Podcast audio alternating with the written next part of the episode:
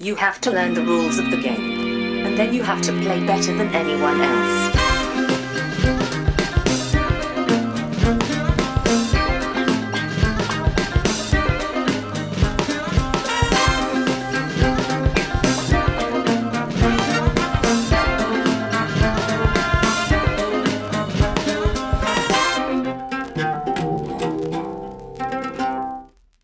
Hej och välkomna till Vems tur är det mellan turerna? Podcasten där vi pratar om spel. Jag heter Marcus Brisman, med mig har jag som vanligt min bästa vän och kollega Anders till min Måns, Johan Gärtrud. Tjena, tjena. Du, nu tänker du Galenskaparna, va? Eller? Nej? Nej, nej, Anders och Måns, som i Fråga Anders och Måns. De två skånska komikerna som hade ett program på SVT som hette Fråga Anders och Måns. Ah, och det är okej. lite därför jag valde dem, för att de har ett program där man ställde frågor. Ja, jag förstår. Och detta är ju vårt frågor och svar-avsnitt. Smart. Vad det, det här känns som att det var kanske i början av 2010-talet kanske någon gång? Eller? Nej, Lite det är nog tidigare kanske. tidigare än så. Nu måste jag faktiskt googla här bara för att eh, jag blir osäker. Men det, det är nog tidigare än så. Jag skulle säga kanske början på 2000-talet snarare. Jaha, okej. Jag har ju tyvär flugit mig helt över huvudet. Det här programmet. Ska vi se. Anders och Måns var tv-program med Anders Johansson och Måns Nilsson. 2003-2004 sändes det. Jaha. Ja. På SVT 2. Ja. Eh, sen har de haft andra saker också. De hade program som heter Så funkar det och eh, lite annat så också. Men för, Fråga Anders och Måns var, hette väl något som kom sen eventuellt. Jag vet inte. Men det, det gick ut på att man, folk ställde frågor helt enkelt. Och så svarade de på dem på ett humoristiskt sätt. Jag förstår. Ja, men eh, det ska vi... Nu satte du ribban rätt högt här. Vi får se hur humoristiska vi är. Det kanske inte är målet i och för sig. Men, men tanken är ju då att, att det här är vårt 25 avsnitt. Så vi gör någon sorts litet firande av det genom att låta våra lyssnare ställa frågor till oss. Så vi har bett om, om, om frågor helt enkelt på diverse sociala medier och sånt. Precis, så att det här eh, avsnittet är ju liksom eh, user-generated content, så att säga. Ja, f- alltså i alla fall i det huvudämnet då. Sen har vi de Mm. Ja, sen får ju vi prata till de här frågorna. som vi sköter om. Ja. Först, jag ska börja med en bekännelse. Vi spelade nämligen Ark Nova i verkligheten igår på tre spelare. Ni skötte alltså ett, eh, ett zoo? Ja, eller varsitt då. Tre så. Ja, just det. Mm. Så, ja. Nej, men vi, ja, precis. Vi, vi, vi spelade på riktigt. Eh, Det var jättetrevligt för att det, det var första gången jag gjort det på flera i verkligheten. Så det uppskattar jag mycket. Men, det här var ju typ mitt 43 omgång eller vad det kan vara vid det här laget. Och jag inser att jag har spelat en sak fel. Nej. Jo. Efter 42 omgångar så har jag fortfarande då, vi upptäckte ett fel jag gjort. Och det är ett ganska stort fel, vilket gör att alla mina poäng jag någonsin fått i det här spelet är lite skakiga just nu. Då har du och jag också spelat fel när vi har spelat? Ja, Ah. precis, det har vi. Okej, För du vet, eh, cards-handlingen som gör att du får ta kort. just det. Om du inte har uppgraderat den så får du inte ta ifrån marknaden. Utan det är bara ifrån drahögen. Förutom om du snappar. Ja, okej. Jag har ju alltid spelat att du får ta på Man får ta din på den där man står. reputation Liksom. eller från högen. Det är ju där, när du får det som en bonus på din karta så är det så. Men när du använder draw, eh, eller cards-kortet, eh, om det inte är uppgraderat, så är det bara från högen. Ja, okej. Intressant. Jag, jag tror Mm. inte det har påverkat. Det kan inte ha påverkat de gånger jag spelat Det har kanske inte påverkat så mycket, men jag har ju kunnat få kort som jag inte borde, borde kunna fått annars till exempel. Ja, precis. Och det, det gör ju att marknaden i stort är meningslös tills du uppgraderat det där kortet. Förutom att du kan snappa då. Men det gör ju snappande starkare. Och det gör också att det finns mer alltså, anledning att faktiskt uppgradera kortet. Vilket jag tyckte att det varit ett av de svagaste korten att uppgradera tidigare. Men det ökar ju också slumpen du är utsatt för. Ja, tills du har gjort någonting åt det, ja. Men det är just Ja, därför så, precis. så tycker jag det ökar anledning till att vilja göra det. Liksom. Mm, ja, jag förstår. Men ja, så det, det, det är min här, mea culpa nu när jag erkänner alltså, hur fel jag har gjort eh, massa gånger. Det är inte att jag tycker sämre om spelet på något sätt alls, men, men eh, det, jag, jag kände att jag var tvungen att, att bekänna det här offentligt, så att säga. Så nu, nu är du där ute så får ni tycka illa om mig och, och säga off vad du är dålig på spel, Brisse. Men du, då kommer du känna, då kan jag känna lite sympati med mig. För att jag kommer nämligen erkänna ett fel lite senare i avsnittet här. Okej, Så att ja, okej. ehm, vi, det får bli Intressant. någon sorts form av um, biktavsnitt. Bikt, frågor och svar. Det är det vi sysslar med. Ja, bikt, frågor och svar. det är bra. Låt oss gå vidare till vår första programpunkt.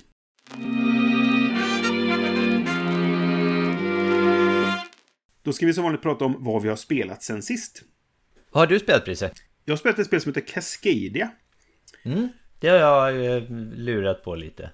Det var Ja, väl det här, det- var väl eh, på eh, intresselistan för årets SM va? Om jag inte har fel.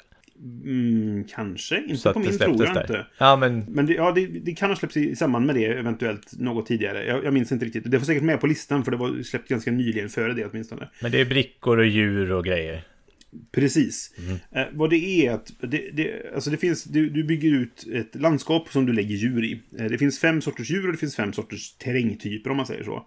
Så det är, det är hexagoner med terrängtyper på. Det är antingen en eller två terränger på den. Och sen finns det då eh, djur. Det finns rävar, björnar, laxar, hökar och elk. Och då vet jag inte vad det vi säger på svenska. För det är inte mus. Utan Nej, det är elk. den här kanadensiska Det är någon sorts renaktigt djur eller något liknande. Ja, Hur som helst. Varje sånt här djur har ett sätt som det ger poäng på. Som är ganska lika, men det finns fyra eller fem olika kort till varje. Och man, man väljer då... Vi, vi spelade två omgångar, så vi körde med A-scoring och B-scoring då. Och man kan säkert blanda också, så att man kör A-björnar med B-rävar eller vad det nu kan vara. Liksom. Hög omspelbarhet om man vill. Vad du gör är då att du... Alla startar med en, en eh, tre sådana här häxar som sitter ihop som är din startbricka. Och på varje sån här så finns det, förutom då landskapen, så finns det ett, två eller tre djur som vill bo där. Och sen har du en marknad som är eh, fyra häxar och fyra eh, djur som slumpas ut. Så att, eh, alltså, du slumpar ut fyra häxar och sen slumpar du fyra djur till samma ur en påse då. Och sen, på din tur så tar du ett par av de här då, så en terräng med djuret som ligger bredvid. Och så lägger du in terrängen i din, ditt landskap så att säga och så lägger du djuret där det kan vara någonstans. Kan du inte lägga djuret så slängs det. Och så är målet då att uppfylla poängkraven som är på djurkorten. För att få poäng för det. Vad det kan vara där är en massa olika saker. Till exempel eh, björnarna kan vara... Du vill ha två björnar bredvid varandra men inte bredvid en annan björn. Så du ska ha ett, ett björnpar som bor i skogen någonstans liksom. okej. Och för varje björnpar du har så får du visst antal poäng. Rävarna i A-uppsättningen då vill ha att så många olika djur runt sig som möjligt. Eh, Medan eh, de här ren elks då, de vill vara på en rak linje i A-uppsättningen. Okej. Och ju fler du har, upp till fyra då en rak linje, så, så är de värd mest poäng. Men du kan ju bygga två linjer på två, eller en på tre och en på två och så vidare. Så det finns massa kombinationer. Hur som helst, och sen så får, du- då får du poäng för det och så får du poäng för i slutet ditt största sammanhängande för varje terrängtyp. Du behöver liksom inte matcha terräng när du lägger ut brickorna, men ju mer du gör det, desto mer poäng får du i slutet. Ah, ja, okej. Och så är det bonuspoäng då för den som har den största sammanhängande av varje terrängtyp också. Och den som har den näst största också. Och det är typ det. Du kan få vissa, när du sätter ut vissa djur, om det är ett, ett ensamt djur och det är bara en terrängtyp på brickan och du sätter dit ett djur, då får du en, en liten kotte som är en naturmarkör. Och de kan du lösa in för att antingen då ta bort djurmarkörerna, lägga tillbaka dem i påsen och dra nya. Eller så kan du välja att ta ett djur och en annan eh, hexagon istället för den som de ligger bredvid varandra. Så du kan cherry-picka lite på det som ligger ute då. Och så är det så här, alltså i grunden så är det att du, när det ligger tre likadana djur, då kan du välja att ta bort dem och lägga ut nya. Och är det fyra så måste du ta bort dem och lägga ut nya. Det är typ hela spelet. Okej. Nu kan man nästan spela det med de reglerna jag sagt nu. Mer eller mindre. Så det är väldigt simpla regler, men Okej. väldigt kul. Ja, Snabbspelat, enkla regler, men mycket alltså brain burn på det lilla som du får. Det är det klassiska, det är mycket spel i en liten låda, även om lådan är ganska normalstor. Men, men så, det, det är väldigt mycket spel på ganska lite saker och lite regler liksom. ja Sånt gillar jag. jag förstår. Ja, på något sätt, jag har, alltid, jag har sett det som, alltid, det ut som att jag vet om det här i hela mitt liv, men så, så, så, så är det inte. Men eh, jag har sett det som lite som en utmanare till Carcassonne i, i dess kan liksom Både Mm. lite, det är lite samma typ av spel plus att det har samma svårighetsgrad, fyller liksom lite samma speltillfälle. Är det någonting, ja, jag har ju inte spelat det, men är jag, är jag lite på rätt väg där eller? Ja, jag skulle säga att det här är lite mer komplicerat. Framförallt är det mer, det är svårare beslut kanske att fatta här. Ja, just det där med brain burn är ju inte ofta det händer kanske i Carcassonne. Nej, nej men precis. Men, men visst, det finns lite likheter. Det är en del interaktion här också. Alltså, du jobbar ju alltid på att få bygga det du vill, men du kan verkligen hitpicka. Om du ser att någon behöver den där eh, björnen just nu för att få sitt tredje par eller vad det kan vara. Eh, Jag behöver inte björnen, men just nu så kan jag... Jag, har ingen nackdel av en björn heller, liksom sådär. Eh, Och jag har inget annat bättre jag kan ta eller vad det kan vara. Liksom, sådär. Då kan man verkligen förstöra för andra. Eh, Eller du kan se så här, du har det här, ditt största bergmassiv är så här. Ja, men jag kan få ett större ifall jag tar den här nu och då får inte du den och vet sådana saker. Då, va? Eh, Så det är kanske mer det här att man jobbar för sin egen grej, men man kan verkligen förstöra för varandra om man vill det. Liksom. Okej. Men eh, vi, vi uppskattade väldigt mycket. Vi spelade... Mm. eh, Det, var, det var en sån klassisk... Vi spelade en gång och sen bara... Äh, vi tar en till va, liksom. Direkt. För att vi, vi eh, tyckte det var kul. Hur lång tid tog det att spela? Ja, 30 minuter. 30-40 kanske. Jag kan kolla upp det exakt. Det, det är... Alltså med... med utifrån antalet... Eller mängden beslut och, och tyngden på besluten om man säger så. Så eh, var det väldigt eh, snabbspelat liksom. Jag ljög genom tänderna. En timme tog det att spela. Okej. Eh, Ja. Men eh, det kändes inte Det som kändes så länge, snabbare, kanske. ja, ja okej. Men det är ett Ja. gott eh, betyg liksom. Och visst, jag, jag kan ju säga också att Johan var ju med, så, alltså Göteborgs-Johan nu då, Mm, mm. som eh, gärna får AP. Eh, och hans son som är brås på sin far. Okej. så att det, det, och det, det blev ju verkligen situationer där man typ såhär, okej, hur gör jag nu? Jag vill inte ha något av de här djuren, jag kan inte ta bort dem. Hur gör jag det minsta dåliga för mig själv och sådana saker då va? Så att, eh, ja, Mm. nej, jag, jag gillar det. Vad har du spelat? Jag har spelat eh, ett spel som jag pratat lite om tidigare i, i podden men kanske inte i det här sammanhanget utan jag har spelat Mm. eh, Lord of the Rings, The Card Game Solo, Ja, jag har spelat det själv Mm. Och det här är ett, lite, det är ett ganska gammalt spel Ja, just det, men det har kommit en ny utgåva. Ja, precis, precis Men innan den kom så tänkte jag att nu ska jag spela med det gamla systemet så att jag vet, eller systemet är fortfarande samma system eh, Mm. vad jag vet Men så att jag vet lite hur det beter sig och hur det funkade och sådär Och sen Mm. var det ju så att jag under pandemin så samlade jag på mig en massa Lord expansioner för att jag tyckte att det här är det spelet jag ska spela nu när jag inte kan spela med någon annan Sen så hände ju inte det på grund av en ett till två år, eh, tvååring Men det- du, du och Åke gick bärsärk vid något tillfälle och bara Mm. typ så här. "Åh, Har du den här? Det är den som säljer den. Ska du ha den? Jag kan köpa den åt dig för jag ska köpa de här andra som han har. Och, Så var ni helt så här. Ja, precis eh, Alltså rabiata över att få allting. Så nu sitter jag på en gedigen uppsättning kort och tänkte ja, Ja. nu, nu ska jag spela det här för att jag, eh, jag har ju second edition också då, men jag vill, jag vill kunna göra en bra jämförelse mellan första och andra. Ja, just det. Och då är det ett eh, kortspel, ett sånt här living card game, um, om ni inte har spelat det. Jag har hållit det ganska högt för att jag tycker att det är så bra att spela eh, som solo. Mm. Ganska svårt spel. Jag vet inte, har du spelat det någon gång Brisse? Ja, jag har spelat med Åke en gång för länge, Ja. länge sedan. Det är ju ett, det är ett, jag vet inte riktigt när det kom ut nu, men det har ju några år på nacken i alla fall. Jag tror att vi, för det här var när vi precis hade startat eller skulle starta podden. Ja, Så säkert. tror jag att vi kan ha spelat det för vi skulle prata om det i podden eller något sånt. För jag, jag vet, jag, jag sov över hemma hos Åke och då spelade vi det på morgonen. Vi käkade frukost och spelade Lord of Rings. Lord of Rings frukost, det kan vara värre kan jag säga. Men men. Ja men det var det i alla fall, du har ju ett tillgång till en massa kort då, eh, beroende på hur mycket du har köpt. Men av- de är av olika sfärer och så har du ett antal heroes, ganska ofta tre, som Mm. tillhör en sfär då, då. Så kan du bygga, bygga lekar med antingen kort, att alla heroes är av samma sfär så att alla kan använda alla kort eller på något sätt kunna du har kanske en hero av en sfär och, en, eh, och de andra två av en annan sfär så kan du blanda in lite, göra lite kombos liksom som, som finns mellan sfärerna. Sen kan man också, finns det keywords på korten som man kan spela liksom, ja, dvärgkort bara eller alvkort och sådär va. Ja, just det. Mm. Men det finns eh, nu så här, fyra stycken startlekar också som är med. Eh, en för varje sfär då som, som man ehm, eh, kan spela direkt med då. Mm. Eh, Så jag tog en av dem helt enkelt. Jag skulle spela det här spelet igen då. Det är indelat i, i faser, helt eh, oväntat va? Där man först då equippar sina, sina heroes för de genererar lite så resources man kan spela kort med.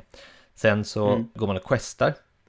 Och då har man ett antal kort i staging arean och det är så här fiender som så här finns och springer runt och hotar dig. Men de har inte typ hittat det än och du har inte hittat dem. Men de gör, utgör liksom ett threat. Mm. Eh, Och i questfasen då gäller det för dig att matcha det threatet och helst ha mer för då kommer du att eh, främja den questen du är på. Va- all, varje Mm. gång man spelar har man liksom ett scenario, en quest då där man eh, som Ja, man ska det. försöka lösa då. Det är ett antal kort som man har lagt ett antal quest tokens på kortet så, så vänder man upp och så kommer man till nästa fas i questen. Liksom. Och det är där jag har gjort fel tidigare. Mhm. För jag har tagit det som, om man tittar i reglerna så kan man, så det var en lång diskussion på Board Game Geek om det här, det var därför jag kollade upp det. Okej. Så jag har tänkt så här, om man, om man committar till en quest, då jämför man threatet, för det är då man är ute och liksom eh, gör eh, väsen av sig. Och sen så, så kollar man om man har fått mer än 30 då. Om man har, om man har fått mindre än 30 då ökar man sitt eget 30, kom, kanske jag kommer till sen, men, men det är egentligen mm. ens liv. Men det här trodde jag bara hände om man committade folk till questet. Så att man, skulle, man kunde till exempel välja att inte committa till, till questet om man känner att ja, men jag kommer inte kunna liksom klara allt rätt som är ute nu. Men det, så är det tydligen inte, utan man måste, alltså det, de kommer, det här threadet kommer, kommer eh, ta effekt oavsett om man committar till questen eller inte. Så jag har okay. alltså spelat på easy mode? På easy mode, exakt. Eh, ja. Och ändå har det varit ganska svårt, tycker jag. ja, just det. Ja, ja. Mm. Så nu när jag spelade igår så fick jag ordentligt med stryk. Men, eh, men i alla fall, jag insåg ju det här så fick jag liksom tänka, tänka om lite då. Men efter Quest så är det de här, de här eh, fienderna då, som det ofta är uppe i stagingen. Sen kommer de att försöka leta upp dig då. Och då, då handlar det om hur mycket threat du har på din threatmätare. Om de mm. har lägre eller lika med så kommer de att anfalla dig. Liksom, och då måste du försöka parera dem med de karaktärerna du har ute. Så, så det är väldigt eh, basic om hur spelet fungerar. Liksom. Sen, sen, när man är klar med den, då, den eh, rundan så kör man en ny så att säga. Och det gäller att det här threatet det får inte gå upp till 50 för då är du... Eller att andra karaktärer, karaktärer dör för mm. då är du ute. Och jag lyckades här komma i en situation där jag dratt alla de starkaste monstren i, i leken. som var ute samtidigt. Sen när jag, och de har ganska hög trätt då. Men sen när jag då tickade upp till det trättet. Då kom alla ja. samtidigt. Så det var ganska, ganska wipe där. Då. Ja, okay. Men jag tyckte fortfarande att det var ett, eh, det var ett bra spel. Eh, även om att mm. jag tror jag måste liksom så här, tänka mig in i det igen och bygga en lek liksom. Så att när jag, när jag är med. För jag gillar ju det här att sitta och peta i lekarna och liksom så här titta mm. på de nya korten och se och hitta kombinationer. Just det. Ja. För jag, jag har Niklas som brukar vara med i, i första intrycket. Mm. Han spelat det här en del tror jag. Jag har pratat med andra som han har spelat med också. Sådär. Och som jag förstod på dem så var de, eller någon av dem hade sagt så här, han, han var lite sur på när det kom upp nya eh, storylines och sådana saker. För att då var du tvungen att bygga om din lek. Och det var, del, det var kul på ett sätt. Men samtidigt så hade du ju lyckats vant dig vid en lek som du verkligen gillade nu. Ja. Och att det, det var det både, en utmaning att möta det nya hotet så att säga. Eh, samtidigt som det var tråkigt för du var tvungen att slakta någonting som du hade liksom byggt upp. Och, och, och liksom förfinat sådär liksom. Precis, det kommer jag ihåg från förra gången jag spelade, när jag spelade ganska mycket då, men det är ju som sagt några mm. år sedan. Att då hade du typ så här, ja men jag, jag spelar de här scenarierna med min lek som jag har byggt här nu. Men sen så mm. finns det så pass annorlunda mekaniker i de senare scenarierna att jag, ja, jag kan inte behålla min lek för då kommer den förlora liksom. Även ja, om den var bra mm. i början. Så det är pre precis det liksom. Så att, eh, men det vet jag ju nu, å andra sidan. Så ja, nu precis, spelar jag liksom en cykel med en lek, tänker jag. Och sen så, sen så bygger jag om den till nästa cykel då. För att, eh, Just det. Den nya utgåvan är, är, samma, eller har de gjort om någonting? Vet du det? Har du läst reglerna till Nej, jag har inte gjort det ännu. Jag har, jag har bara fått lådan och eh, lådan är annorlunda. Ja. ja. Mm. det är lite märkligt. Jag, jag tyckte det var värt att nämna faktiskt. Den är lite mer så här avlång. Okej. Okay. Mindre, eller den är typ lika hög men lite avlång. Så jag undrar om det här är något slags nytt format för brädspel nu. Ja, kanske. Och då går det nog in i en Billy. Tror jag. Ja, just det. Man tänker så här typ gamla, eh, gamla, men så GMT-spel och Pandemic-spelen. Det formatet eh, är lite mer likt det här nya formatet som FFG eh, har med det här. Just det. Så att, ja. nej, så det är det enda skillnaden som jag vet om hittills. okay. Men jag återkommer i, i, i ärendet. Jag har för mig att, att eh, din och Åkes sån här frenzy att få tag på delar berodde på att det skulle tas ur tryck. Att det är så här, nu, nu är det snart slut på det här, vi kommer inte ge ut mer till detta. Mm, precis. Och så gick det två månader och sa de att, fast nu kom det en ny utgåva istället, vi bara ska. Ja, just det. Men det var, det var väl så att de hade gått ut tryck då för att de räknar med en sån här omtryck. Det är väl lite som uh, det här um, Lovecraft-kortspelet uh, de gör också. Arkham mm. Horror. Uh, där mm. har de ju gett ut någon slags typ samlings utgåvor mm. av alla cyklarna liksom där de intressantaste korten finns med. Det kanske är alla kort, jag vet inte riktigt. Nej. man slipper sitta och Vet du vad det kan vara också? Nej, berätta. Det kan, det kan vara att folk, de sa nu lägger vi in i detta och fansen bara nej! Och börjar slänga pengar på dem. Och de bara, ah, pengar gillar ju vi. Mm. Vi ger ut det igen kanske. Men det här vi pratade om innan, om LCG och sådär, liksom om man ska hänga med där och... och eh, mm. För jag har ju köpt så här, jag har inte köpt mycket, alltså det finns ju mycket, jag har kanske köpt ja, en fjärdedel av alla kort som finns eller någonting sånt där. Så att, ja, okay. Det finns fortfarande mycket att upptäcka för mig där och jag... Ja. Men jag har bara så mycket tid också så jag tycker jag har lagom nu liksom. Ja. Det som är intressant är ju ifall eh, de gamla korten är kompatibla med de nya. Så du kan spela de gamla questen med de nya korten. Ja, om jag, om jag tittar på kortens format så ser de likadana ut om man tittar på baksidan Okej. på spelet. Ja, men det är ju bra. Och det har jag läst också att de ska vara liksom nya. Så att egentligen så vad jag får nu är en uppsättning till av grundkorten. Det är alltid bra att ha en till Gandalf liksom som man kan slänga in i leken. Det var ju sånt, i Arkham Horror så var du nästan tvungen att ha det. Ja, precis. Ja. I alla fall om man skulle spela på mer än, än två då. Det kanske man inte vill ändå i och för sig. ja, och skulle du spela turneringsspel i Game of Thrones eh, kortspelet så var Ja. du tvungen att ha tre grundset. Tre grundset, ja. Mm, kul.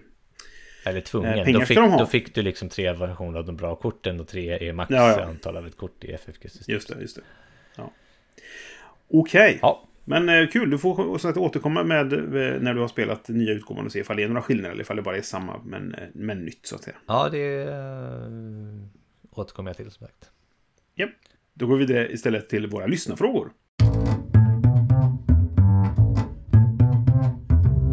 Vi ska som sagt svara på era frågor. Ni kära lyssnare som har hört av er med frågor till oss. Några av er ställde mer än en fråga. Och vi tänkte att vi tar en fråga var av er helt enkelt. Och så eh, har vi tid över så kan vi gå in på de andra frågorna. Men det är mest för att det ska vara rättvist, att alla inte ska... Att inte någon ska liksom hogga all, all plats i avsnittet. Nej, precis. Och jag vill också passa på här i början att eh, tacka alla som skickade in frågor. Det var jättekul att få, Ja. få lite här och, och ta tag i. Tacka vårat, inte eh, än, för se ifall de har några svåra frågor. Ja, precis. Ja, det finns några svåra frågor. Jag vill, jag vill ändå tacka för att de skickade Ja, in jag frågor. tackar. ändå. Det är jätte, jättekul att ni, att ni ställer frågor till oss. Och vi ska göra vårt bästa för att svara på dem. Precis. Ja. Första frågan är från Josef Sandholm, vår vän eh, Niramas, på YouTube. Mm. Och han frågar, vilka spel har ni störst diff på i er betygssättning och mot average BGG? Det finns ju alltså en funktion i, på Board Game Geek där man kan se hur man, mycket man skiljer sig från standard, eller genomsnittliga betygssättningen på spel då. Mm. Och eftersom inte Josef eh, preciserar ifall han vill veta om det ligga högt eller lågt så tänkte jag vi, vi får prata om båda två helt enkelt. Ja, man har ju ändå en högst diff. Men jag tycker det blir roligare om vi säger... Ja, den En som för är overrated en mest overrated och mest underrated. Ja, men precis. Exakt Det här så. var lite nytt för mig att det fanns en sån här funktion på, på, på BG. Men Ja, eh, det. Ja, jag har tittat lite på den tidigare. För att det är lite kul att, att jämföra sådär. ja, ändå kunde jag nog alltså lista ut vilket det var innan jag ens såg det där. Men ja, Ja, jag var ganska säker på vad mitt skulle vara också innan jag gick in och faktiskt kollade. För eh, mitt är Agricola. Mm. Och det är ju ett spel som eh, alla älskar utom jag typ. Och Micke faktiskt. Alltså ja. eh, på, på Mindy. Men Eh, nu, han- han nu, tycker du, nu pratar vi om det som du har gett lägst betyg men som har högre betyg i average va? Ja. ja. Precis, för det har en, en average rating på 7,8 och jag har gett en 3. Och det här är ju baserat då på Board Game Geeks kriterium som Mm. där 3 betyder jag vill aldrig spela det här igen typ. Nej, just det, precis. Om jag kommer ihåg rätt. Så det är en skillnad på 4,8 då eh, Ja. i, i betyg. Och det, jag, jag har ju pratat om tidigare varför jag inte gillar Agricola. Och det, här, det är säkert väldigt överdrivet. Eh, Jag, skulle jag spela det igen så skulle det säkert vara kul. Men jag tycker inte det är roligt och jag gillar inte när spel straffar mig för att jag inte gör rätt. Alltså, när jag inte gör bara som UV vill. Liksom. Och det, det, är nog också eh, det här spelet som ligger till stor grund för att jag är generellt skeptisk till UV-spel och tycker att den här hjältedyrkan som många sysslar med är lite, lite onödig. Jag förstår. Tycker det sagt också. Ja, Mm. mm, bra. Vilket är ditt most uh, overrated då? Mitt most overrated är The Resistance Avalon. Nej, kul. Mm. Eller För det vet jag att du gillar. Mm, det gör jag. Gjorde kanske jag ska säga, för jag, nu var det väl länge sedan jag spelade, men det är ju ett spel jag har spelat väldigt mycket. Ja. Ja, men det är ett ganska... Vad ska jag säga? Det är väl lite, nästan alltså typ mainstream-spel. Det är väl väl ganska många som har spelat det eftersom att det var ganska tidigt ute i, i sin gen, Mhm. eh, genre. Eh, genre heter det på svenska. Och, På svenska. och ehm, blev populärt bland typ så här rollspelare som vi och sådär. Så att, ehm, Mm. men jag har alltid hatat det när jag spelat det. Mm. Dels för, jag tycker det är liksom en tävling i att ljuga, inte ett Ja. spel. Så därför så, därför så, um, jag tycker inte det är roligt helt enkelt. För jag är Nej, ganska jag- dålig på att ljuga. Nej, men jag kan köpa det. Jag, jag, tycker ju att det är mer än det. Det, det är ju det väldigt, till väldigt stor del. Men, men eh, som vi pratade om tidigare i podden också, det här att, att eh, när vi spelade så mycket som vi gjorde ett tag. Vi spelade mm. det här på, på jobbet på lunchraster och sådana saker. Och jag och Niklas hade väldigt mycket kul med att, att analysera metaspelet runt just det här. Det, det. Mm. Och hur saker utvecklades. Och därför tycker jag det är intressant. Mm. Men det kanske är mer intressant än bra, egentligen. Liksom. Eh, och det har kommit betydligt bättre eh, social deduction-spel senare också. Mm. Jag ska också lägga till, det har jag gett en tvåa. Ja. Och det är ju då Extremely Annoying Game. ja, ja, det. Och, det, det, och ratingen är 7,3. Så det, det är delta på 5. Mm. Jag vill bara tillägga att jag har spelat The Resistance, alltså inte Avalon, en gång. När jag var, var styrkt av diverse drycker.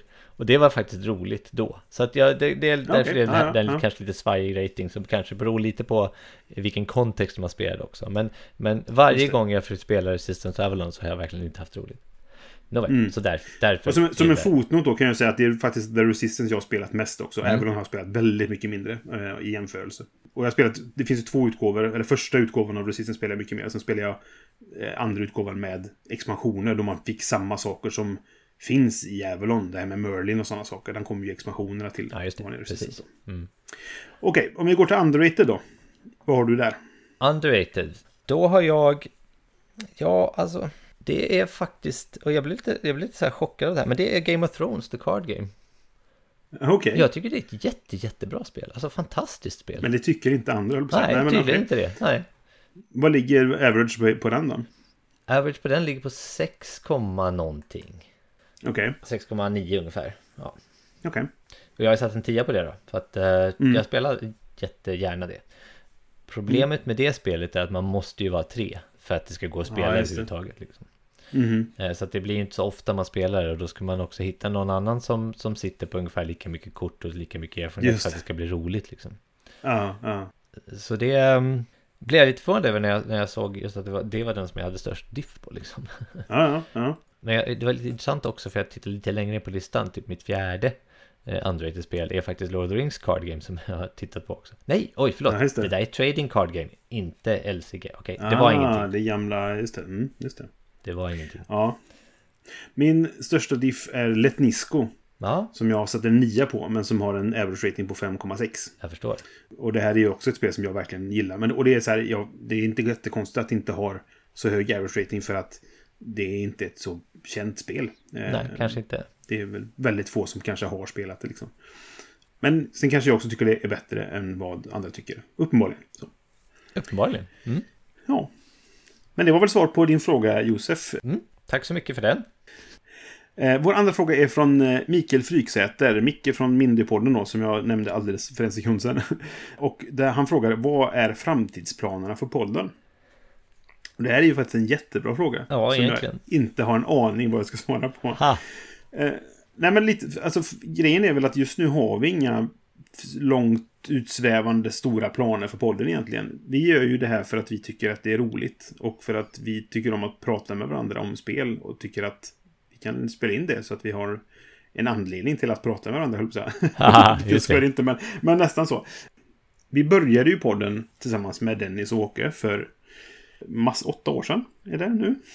Ja, ah, shit ja. Mm. Ja, då var det ju av samma anledning. Vi tycker det är kul att prata om spel. Och det var inte så många andra som gjorde podd då. Nu är det ganska många som gör brädspelspoddar. Men då var det inte riktigt det. Jag tror inte vi hade någon. Alltså det, just att vi, om man tittar så här på gammal text vi skrev så skrev vi oh, en brädspelspodd på svenska. Och det tyder ju på att vi kände i alla fall inte till någon annan svensk brädspelspodd just då.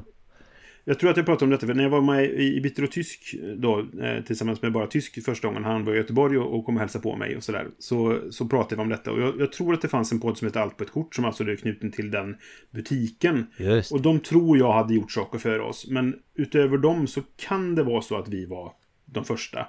Ja men det, det, spelar ingen roll egentligen om vi var först eller, eller två eller femma eller artonde podden så. Det spelar absolut ingen roll. Men, men vi, vi ville göra det och vi gjorde det på svenska för det fanns, vi lyssnar ju på poddar på engelska. Ja. Sen blev det första intrycket. Det här har vi pratat om i ett annat avsnitt, ja. så vi behöver inte ta hela historien igen. Kort, kort men, versionen. Mm. Ja, och så gjorde vi då mellan turerna för att vi, det var svårt att ses och spela in första intrycket eh, när det var pandemi. Och längre än så finns det inte planerna just nu. Vi kan väl säga så här att vi, vi gjorde ju mellanturerna som ett resultat av pandemin helt enkelt. Mm. Men Ja. vi har ju fortfarande glädje utav att göra det. Så det tror jag liksom inte kommer att, Ja. eh, att slu, vi kommer inte sluta med mellanturerna för eh, sen när pandemin är över. Eh, Nej, nej, nej. Eftersom nej, att vi alltså, har det- ett format som Mm. funkar liksom för oss även om vi inte träffas. Liksom. Det första formatet precis. vi hade i, eh, i podden var ju att då skulle vi träffas och spela de här spelen. Det var ju liksom en förutsättning. Eh, Och så det då var därför vi, den blev lagd på isen, för att jag bodde i Göteborg och ni bodde i Stockholm. ja, vi fick ju bussa upp dig hit liksom för att vi skulle Mm. spela in en podd. Jag, jag reste i jobbet en del Ja, på den tiden, så det var mycket därför. Nej, men och, så här, eh, jag, det har funnits lite lösa planer. Åka pratat om att han skulle vilja göra en Mm. intervjupodd. Det här var före vi kanske startade mellan turerna ens. Ja, faktiskt. Eh, och och vi, vi har haft lite andra tankar efter det där. Men, men allting görs på vår fritid, ideellt. Vi får inga pengar för det på något sätt. Snarare så att det kostar oss pengar i hosting för, för sidan och så vidare. Och det finns ingen... Vi driver det inte för att vi ska ha någon sorts vinstsyfte eller att vi ska bli kända eller stora eller vad det kan vara. Liksom. Utan vi gör det för att det är roligt och vi tycker det är jättekul att folk lyssnar. Men, men så därför så finns det just nu inga högtflygande eh, eller högtravande, eller vad säger man, planer på, på att eh, utveckla det. Men man vet aldrig vad som händer i framtiden. Vi kanske Nej. får en ny idé om att det här vill vi göra istället. Liksom. Och så gör Precis. vi det istället. Jag tror att vad vi kommer försöka göra kanske är att till exempel spela in någonting på konvent kanske och, Mm, och liksom eh, ge oss ut lite mera från våra hålor vi har suttit i under två år nu. Det, absolut, nu när man kan göra det igen så kanske det kan vara en, en grej vi kan göra i framtiden. Vi planerar som till, till exempel att vi kanske ska spela in saker nere i Essen. Men det blir nog också spontant bara att vi pratar om våran upplevelse där nere eller liknande. Och inte att vi planerar in massa intervjuer och sådana saker. Inte, inte vi till början som- i alla fall, vi får väl se. Nej, men stöter vi på någon så kanske vi tar några ord med dem också. Liksom så. Men, men det kommer inte vara liksom... Första gången kommer kanske inte vara så planerat. Men, För det är väl en sak som, som jag, eller som vi vill fortsätta med eh, och som jag uppskattar att vi har lyckats göra. Vi har faktiskt fått en hel del intressanta gäster att vara med oss här på ja, podden, verkligen. liksom. det är Eh, jättekul att folk vill vara med och prata. Ja, precis. Eh, Det har varit jätteroliga avsnitt som vi har pratat, Mm. där vi har pratat med, med Mm. diverse gäster som vi ska också få passa på att tacka att de har, har liksom Ja, verkligen. Och det kommer vi fortsätta pratat med. oss. Och det kommer vi fortsätta med, precis. Att, att, ha, att ha gäster i, i framtiden när vi har ett ämne där vi tycker att någon är smartare än oss. Vilket är de flesta ämnena. Men, eh, men ibland så tycker vi att det räcker med oss. Men eh, sådär. Så att, eh, ja, det kommer vi fortsätta med. Så att, framtidsplanen just nu är att fortsätta som vi börjat. Och så får vi se vart det tar vägen sen. Men vi, vi har liksom ingen utstakad plan just nu. Nej, precis. Men mellan turerna kommer fortsätta i alla fall. Eh, Ja. Ja. Vi går vidare Okej. till nästa fråga. Ja. Den är från Henrik Densler och han frågar Hur balanserar ni er vilja att spela nya spel med att återbesöka de spel ni gillar? Blir det fler nya än gamla godingar som kommer till bordet och i så fall varför? Vilken bra fråga. Ja, jättebra fråga. Jag har ju också touchat på detta tidigare i avsnittet. där jag måste spela recensionsspel. Och det är så här, ja, buhu, just recensentens klagan. Men så, det, det, det åt sidan. Men det, det är det jag gör Mm. eh, till stor del. Jag behöver spela de spelen som jag ska recensera och därför blir det oftare nya spel. Mm. Och som jag också kanske nämnt i samband med det då så är det så här, även de tillfällen där jag inte spelar spel jag ska recensera så är det oftare nya spel för att jag vill hålla mig ajour med eh, vad som händer i spelbranschen, Just det. om man säger så.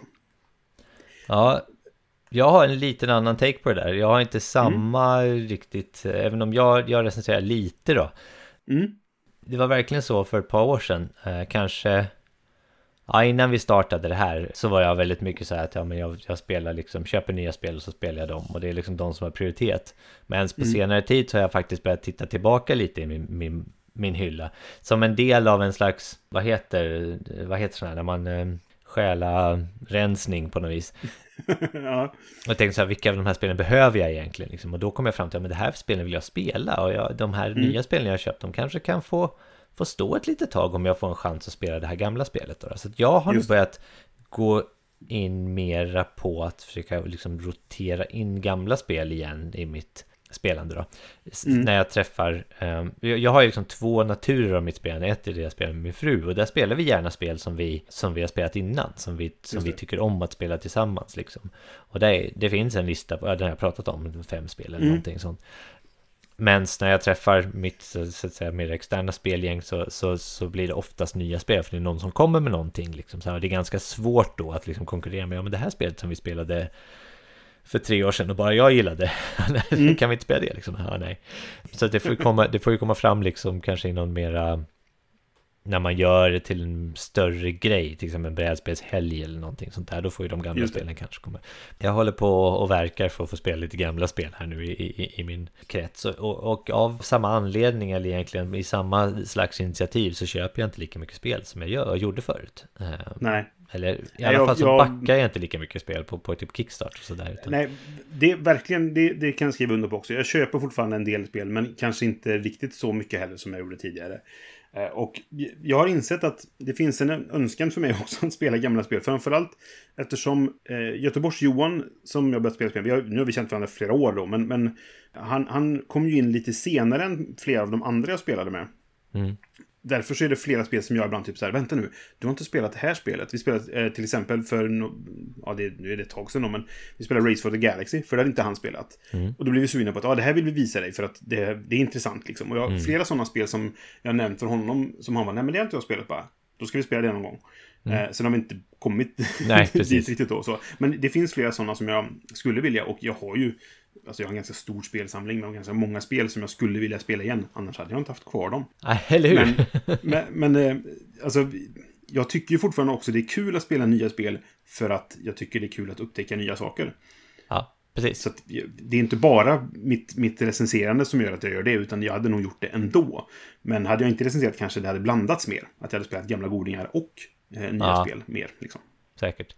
Jag tror att jag, jag kommer försöka få till det på något sätt sånt att, eh, alltså, jag kommer spela nya spel i alla fall, för jag har ju folk i min krets som köper nya spel. Men jag kommer ja. nog inte köpa så många nya spel, förutom kanske de gångerna per år när man åker på någon mässa eller någonting sånt där. Just det. Det är väl i alla fall min motsättning. Sen får vi se om jag eh, lever som jag lär, lär som jag lever. lever hur det nu heter. Lever som du lär, ja. ja. ja men ja, precis. Du får köra så här som man gör på krogen, varannan vatten. Du får köra varannan gammal. Ja, liksom. Eller något sånt där. Mm. Eh, kan vara en grej. Och jag säger ju alltid det här, den dagen jag inte är recensent längre så, så kommer jag att spela vad jag vill och då kan jag spela gamla spel hur mycket jag känner för. Just det. Vi går vidare till en fråga från Manne Silverstrand. Och han frågar, har ni någonsin känt att nej, nu lägger jag ner spelandet? Om ja, varför i så fall? Har du känt det någon gång? Alltså lägger ner att spela? Ja. Det, det, tror jag inte. Jag, jag spelar en så stor del av min identitet. Jag tror vi pratade om det också ja. innan, att liksom så här, de var där redan när jag började med rollspel. Vi var, jag tror jag inte var mer än 10-12. Och sen så har det liksom bara rullat på i olika former. Kortspel, eh, live, alltså allt sånt där så har spelet varit en del av min identitet. Så jag, jag har liksom aldrig känt att jag ska sluta spela. Det var på något sätt, jag hade ju ett break när jag flyttade till London och typ inte hade någon att spela fysiska ja, spel med, ska jag säga då. Mm -hmm. jag, jag, jag flyttade till England en gång, typ själv, mer eller mindre, utan några spelkompisar. Vad jag gjorde då istället var att, du, kommer du ihåg, du och jag började, började göra ett kortspel istället. Ja, just det. Och jag, det var i typ Lord of the Rings Trading Card Game-svängen och det kunde man spela själv med lite house rules. Så att det, det spelade jag mycket det. själv då när jag satt på mitt studierum liksom i Worcester i England.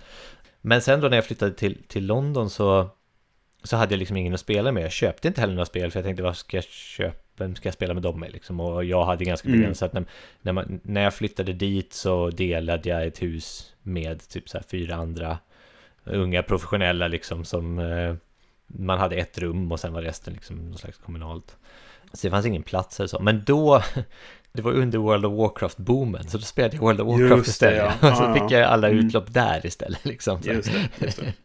Så nej, jag har aldrig haft den där, eh, nej nu lägger jag ner spelandet. Nej, jag kan inte tänka mig att, för att sen så hade jag ju när jag kom hem då från, från nu blir det en väldigt stor liksom, utläggning om mig, men... men ja men det är väl Helt rimligt. När jag kom hem från, från London så det första jag gjorde var att lära känna Åke liksom genom Daybreeze. Och sen så ledde det till mer och mer spel, brädspel då. då. Mm. Så nej, jag, jag har liksom inte... Det var kanske den där kanske lilla sessionen jag gjorde när jag bodde i England i fyra år. Liksom, att jag, Men det var inte så, så mycket ett val du gjorde? Nej, Eller precis. så- Nej, exakt. Och jag höll ju liksom spelnerven levande med World of Warcraft. Ja. För det var ändå en social spelmiljö liksom. Som kittlade den där viljan jag hade att spela. Så. Nej, Mm, mm. nej Manne, tyvärr. Eller, tyvärr. Tyvärr, ja, nej precis. Jag, jag kan nog inte säga att jag haft det alls, men jag hade en liten kris för, ja, vad det nu kan vara, ett och ett halvt år sedan ungefär. Alltså, in, inte precis i början på pandemin, men, men några månader in i den. Innan vi kanske kommit på att vi kunde spela mer online. Mm. Och vi, vi inte spelade så mycket överhuvudtaget. Och då hade jag en liten kris där jag var så här. För jag köpte fortfarande spel ungefär samma takt som jag hade gjort tidigare. För det var också någonting att göra när man satt hemma och inte hade något att göra. Och man kunde ändå hålla på med brädspel. Inom citationstecken genom att köpa dem och få hem dem och, och plutta dem och, och du vet, så här, skriva Ja, och, och sådana saker. Liksom? Men så lades de bara på hög. Och framförallt då, det fortsatte komma recensionsex. Som bara lades på hög. Och jag började känna en ganska stor stress över att det inte hände någonting där. Och samtidigt som jag kände då att jag spenderar pengar på spel som jag inte spelar. Och då hade jag eh, några korta sekunder, nej det kanske var lite, men en, en, en liten, kris där jag var så här. Jag kanske bara borde sluta med detta. Det är ju ingen idé ändå, du vet, jag var ganska deppig kanske då. Mm. Och sen kom jag istället fram till att om jag bara slutar köpa så mycket. Så det kanske är det som är problemet. Och så drog jag ner ganska kraftigt då på det istället. Men en grej var ju vart att vi hittade Vi hittade liksom de digitala spelen va, för att där, det, Ja, det, ja. ibland kostar det inte ens någonting liksom på Tabletop Nej. Simulator att ladda ner en mod liksom som, så man kan testa ett spel liksom och så kanske som man annars hade köpt bara för att testa det liksom Ja, i den nej men precis. Det, exakt, det var ju flera spel som Ja. vi testade där, när, som var på Kickstarter. Mm. Och så valde vi att inte backa dem för att... Ja visst Ja, sådär. Och det, det var ju precis mycket så jag, jag gjorde när jag skaffade spel. Jag skaffade dem för att få testa dem och sen var det här var inte så bra och så sålde jag det. till en förlust som vi pratade om tidigare då.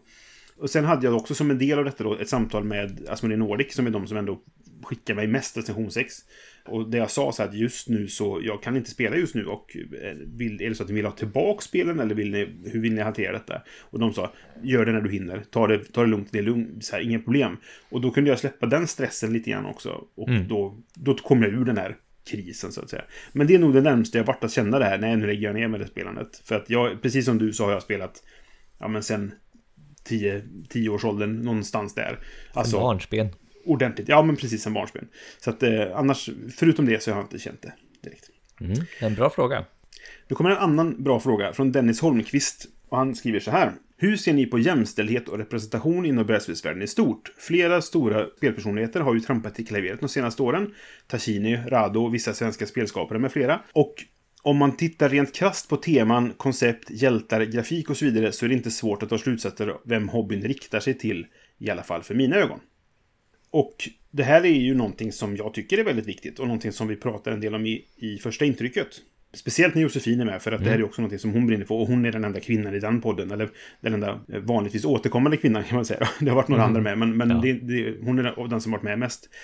Och jag tycker det är viktigt. Och jag håller med om att det till stor del är många, tror jag fortfarande, i hobbyn utgivare och sånt då, som, som ser att det är som att det här är en, en hobby som mest män håller på med. Mm. Och det är väl traditionellt har det väl varit det. Jag tror att det håller på att luckras upp en hel del. Men kollar man på till exempel när jag var med i Sverok och sånt förr i tiden så var det ju ganska sällan, alltså annat än vita cismän som spelade eh, rollspel och brädspel. Då. Men det tror jag det, det förändras hela tiden. Fler och fler börjar spela spel. Och då tycker jag det är viktigt med representation i spelen. Att man ska kunna känna igen sig, att det inte ska vara att man sned fördelning på det. liksom sådär. I första intrycket så kanske vi främst då pratar om könsfördelning i, i spelen. För det är det som oftast är, är lättast att se. Men det finns även då saker som sagt härkomst. Och inte att förglömma eh, funktionsvariationer. Som man kanske glömmer bort att det också är en representationsfråga. Det här med att till exempel om någon sitter i rullstol eller om någon är blind eller sådana saker. Vilket vissa spel är väldigt bra på att ta upp. Och vissa spel är väldigt dåliga på att ta upp. Ja, precis. Jag vet inte riktigt vad jag kan tillägga till det här, men det är så här, såklart att det är en knivig fråga liksom. Jag Mm. Tycker att, som du säger också, det börjar luckras upp lite. Framförallt på rollspelsfronten tycker jag det har kommit ganska många spel som, som liksom promotar olika andra liksom inte, inte liksom det här arketypiska rollspelandet utan liksom andra sätt att skriva stories, mer involverande sätt att skriva stories som mm. riktar sig till unga, som riktar sig till liksom andra målgrupper än, än den traditionella rollspelaren så att säga, eller den traditionella ja, rollspelaren, eh, eh, mm. Briss och mig. Ja, men precis. Även om vi säkert kan vara med i de eh, kretsen också, men, men så här, om man tänker Critical Role till exempel och sådär, har ju också mm. ganska väl representerat uh, jämställdhet och sådana här saker. Så jag, jag, jag känner att det finns mycket mer att göra i, i, i brädspelsvärlden och då kan, där kan man titta lite på rollspelsvärlden, hur, hur, hur det ser ut där. Det är väl en, en personlig åsikt då. Men det är ju såklart eh, viktigt och när, när några sådana här, om vi tänker på spelpersonligheterna, när de kommer fram och, och säger mm. något så här korkat och beter sig lite som en rövhatt, det är klart man ja. kanske tänker en eller två gånger innan man backar eller köper deras nästa produkt. Mm. Det, så är det ju. Sen, just pratar man om det då, så tycker jag att... Ja, men man pratar ofta om här, ska man skilja skapare från verk och sådana saker. Och framförallt i kanske då brädspel och film som är mina två intresseområden så tycker jag att det, man kan faktiskt göra det till viss del. För att det finns så många andra som är involverade i processen att ta fram ett spel. Så att för att person X som har designat spelet uttalar sig dumt om någonting att då straffa utgivaren av det spelet och alla eh, illustratörerna som har jobbat på det här spelet och, och de, de, har tagit fram det här, eh, utvecklat det, eh, grafisk design, alltså allting med reklam och all, allting det som händer runt omkring själva speldesignen. Det är lite orättvist, tycker jag då, mot de andra som är involverade i det. Och jag, jag förstår tanken att så här, jag ska straffa dem genom att inte ge dem mina pengar så ska jag straffa Tassini som är, Dennis tog upp som exempel här nu då. Men det drabbar ju inte bara honom. Det kanske drabbar honom minst i det fallet, att, att inte köpa ett visst spel. Så det, det, jag tycker inte det är riktigt så svartvitt. Sen kan man absolut göra sin röst hörd och säga att du, det där är inte okej. Det ska man definitivt göra. Och markera det på något sätt. Men jag vet inte om jag ska inte köpa personens spel i framtiden, om det är riktigt rätt väg men det, det, det, är svårt. Det, alltså så här, det, jag, jag, jag håller ju med om att man, man måste reagera. Det ska man absolut göra. Ja. Men, men uh, hur, det är lite svårare, tycker jag då. Men ja, och sen som sagt, det, det är något som är jätteviktigt. Vi, vi kollar som sagt kanske mest då på, på könsfördelningen när vi kollar på spel. Är, är det en jämn fördelning mellan manliga och kvinnliga karaktärer i det här spelet? Kanske framförallt då, hur presenteras de kvinnliga karaktärerna? För mm. där har ju vi, utan att ha någon sorts statistik på det, men, men när vi, vi eh, pratar i första intervjun så kan vi ibland komma fram till att är det så att, att, att kvinnliga karaktärer är mer sexualiserade än manliga karaktärer, då kanske det är från en fransk utgivare. Eller en italiensk utgivare. Mm -hmm. Det brukar vi skoja en del om. Sådär. Men det har ju också visat sig vara ganska sant. men, så, men det, ja. det, det, det, var vid något tillfälle som, som vi pratade om det och Josefin sa så här, ja nu är det sådär, nu är de sexualiserade och hela den biten. Med, så här, ja, vad tror du att utgivaren är från? Frågar liksom, ja, Frankrike eller ja, precis, liksom sådär. ja. Men det, det är väl, nu generaliserar vi väldigt mycket. Men det, det, det finns, det, det, kanske är så att, att det finns inte en homogen syn på, liksom, på sådana saker ens i brädspelsvärlden. Nej, precis. Nej, svår och, svår och relevant fråga. Jag tror att... Eh... Ja, det är en jätterelevant fråga, men den är också svår att svara på för att jag är in, verkligen inte expert på detta. Men i alla fall så är vi, är vi i alla fall medvetna om det och eh, vi är mm. också medvetna om att vi är vita cismen. Va? Så att vi har ju en viss ja. bias om vi säger så. Så vi, vi är säkert inte medvetna om hälften av de problemen som finns där med de spelen som, så som finns där ute eftersom mm. att vi, eh, vi är helt enkelt målgruppen. Nej, men vi, vi, vi, har inte drabbats av ojämställdheten och så att det, säga. Då, exakt, på det sättet. Nej. Så, att, så, så det, det, det, är någonting som man behöver vara väldigt medveten om tror jag i alla fall. Ja. Och så fort man är medveten om det så kan man kanske öppna sina ögon lite mer för, för sådana här saker som, som, som Brisse säger. Men om, att, när ni pratar om när Josefin är med och sånt, det är väldigt viktigt kanske segment av första intrycket eh, när ni tar upp de sakerna. Men det är ju ja. per spel typ. Jo, det är det ju. Och, och vi försöker ta upp den hon är inte med, men vi glömmer det. För vi är inte det är inte någonting som vi alltid tänker på för att vi inte drabbar inom citationstecken då. Precis som du säger. Så att, ja, jättebra fråga Dennis. Väldigt relevant att ta upp. Så att det är bra att du lyfter den. Mm. Ja, men det gav oss kanske en idé till framtida avsnitt också. Ja, precis. Mm. Då har vi en fråga från vår kära vän Åke Ternström Nolemo. Och han ställer oss- inför ett dilemma som är så här. Vad skulle herrarna välja av följande? Antingen då, du får endast spela spel du inte tycker om, men utgången i spelet är ovisst. Eller, du får bara spela spel du gillar, men slutresultatet är förutbestämt varje gång. Ni vet vem som vinner och vad resultatet blir. Vad skulle ni välja? Det är ett jätteintressant dilemma och väldigt svårt, måste jag säga. Jag vet inte om det är det för mig egentligen.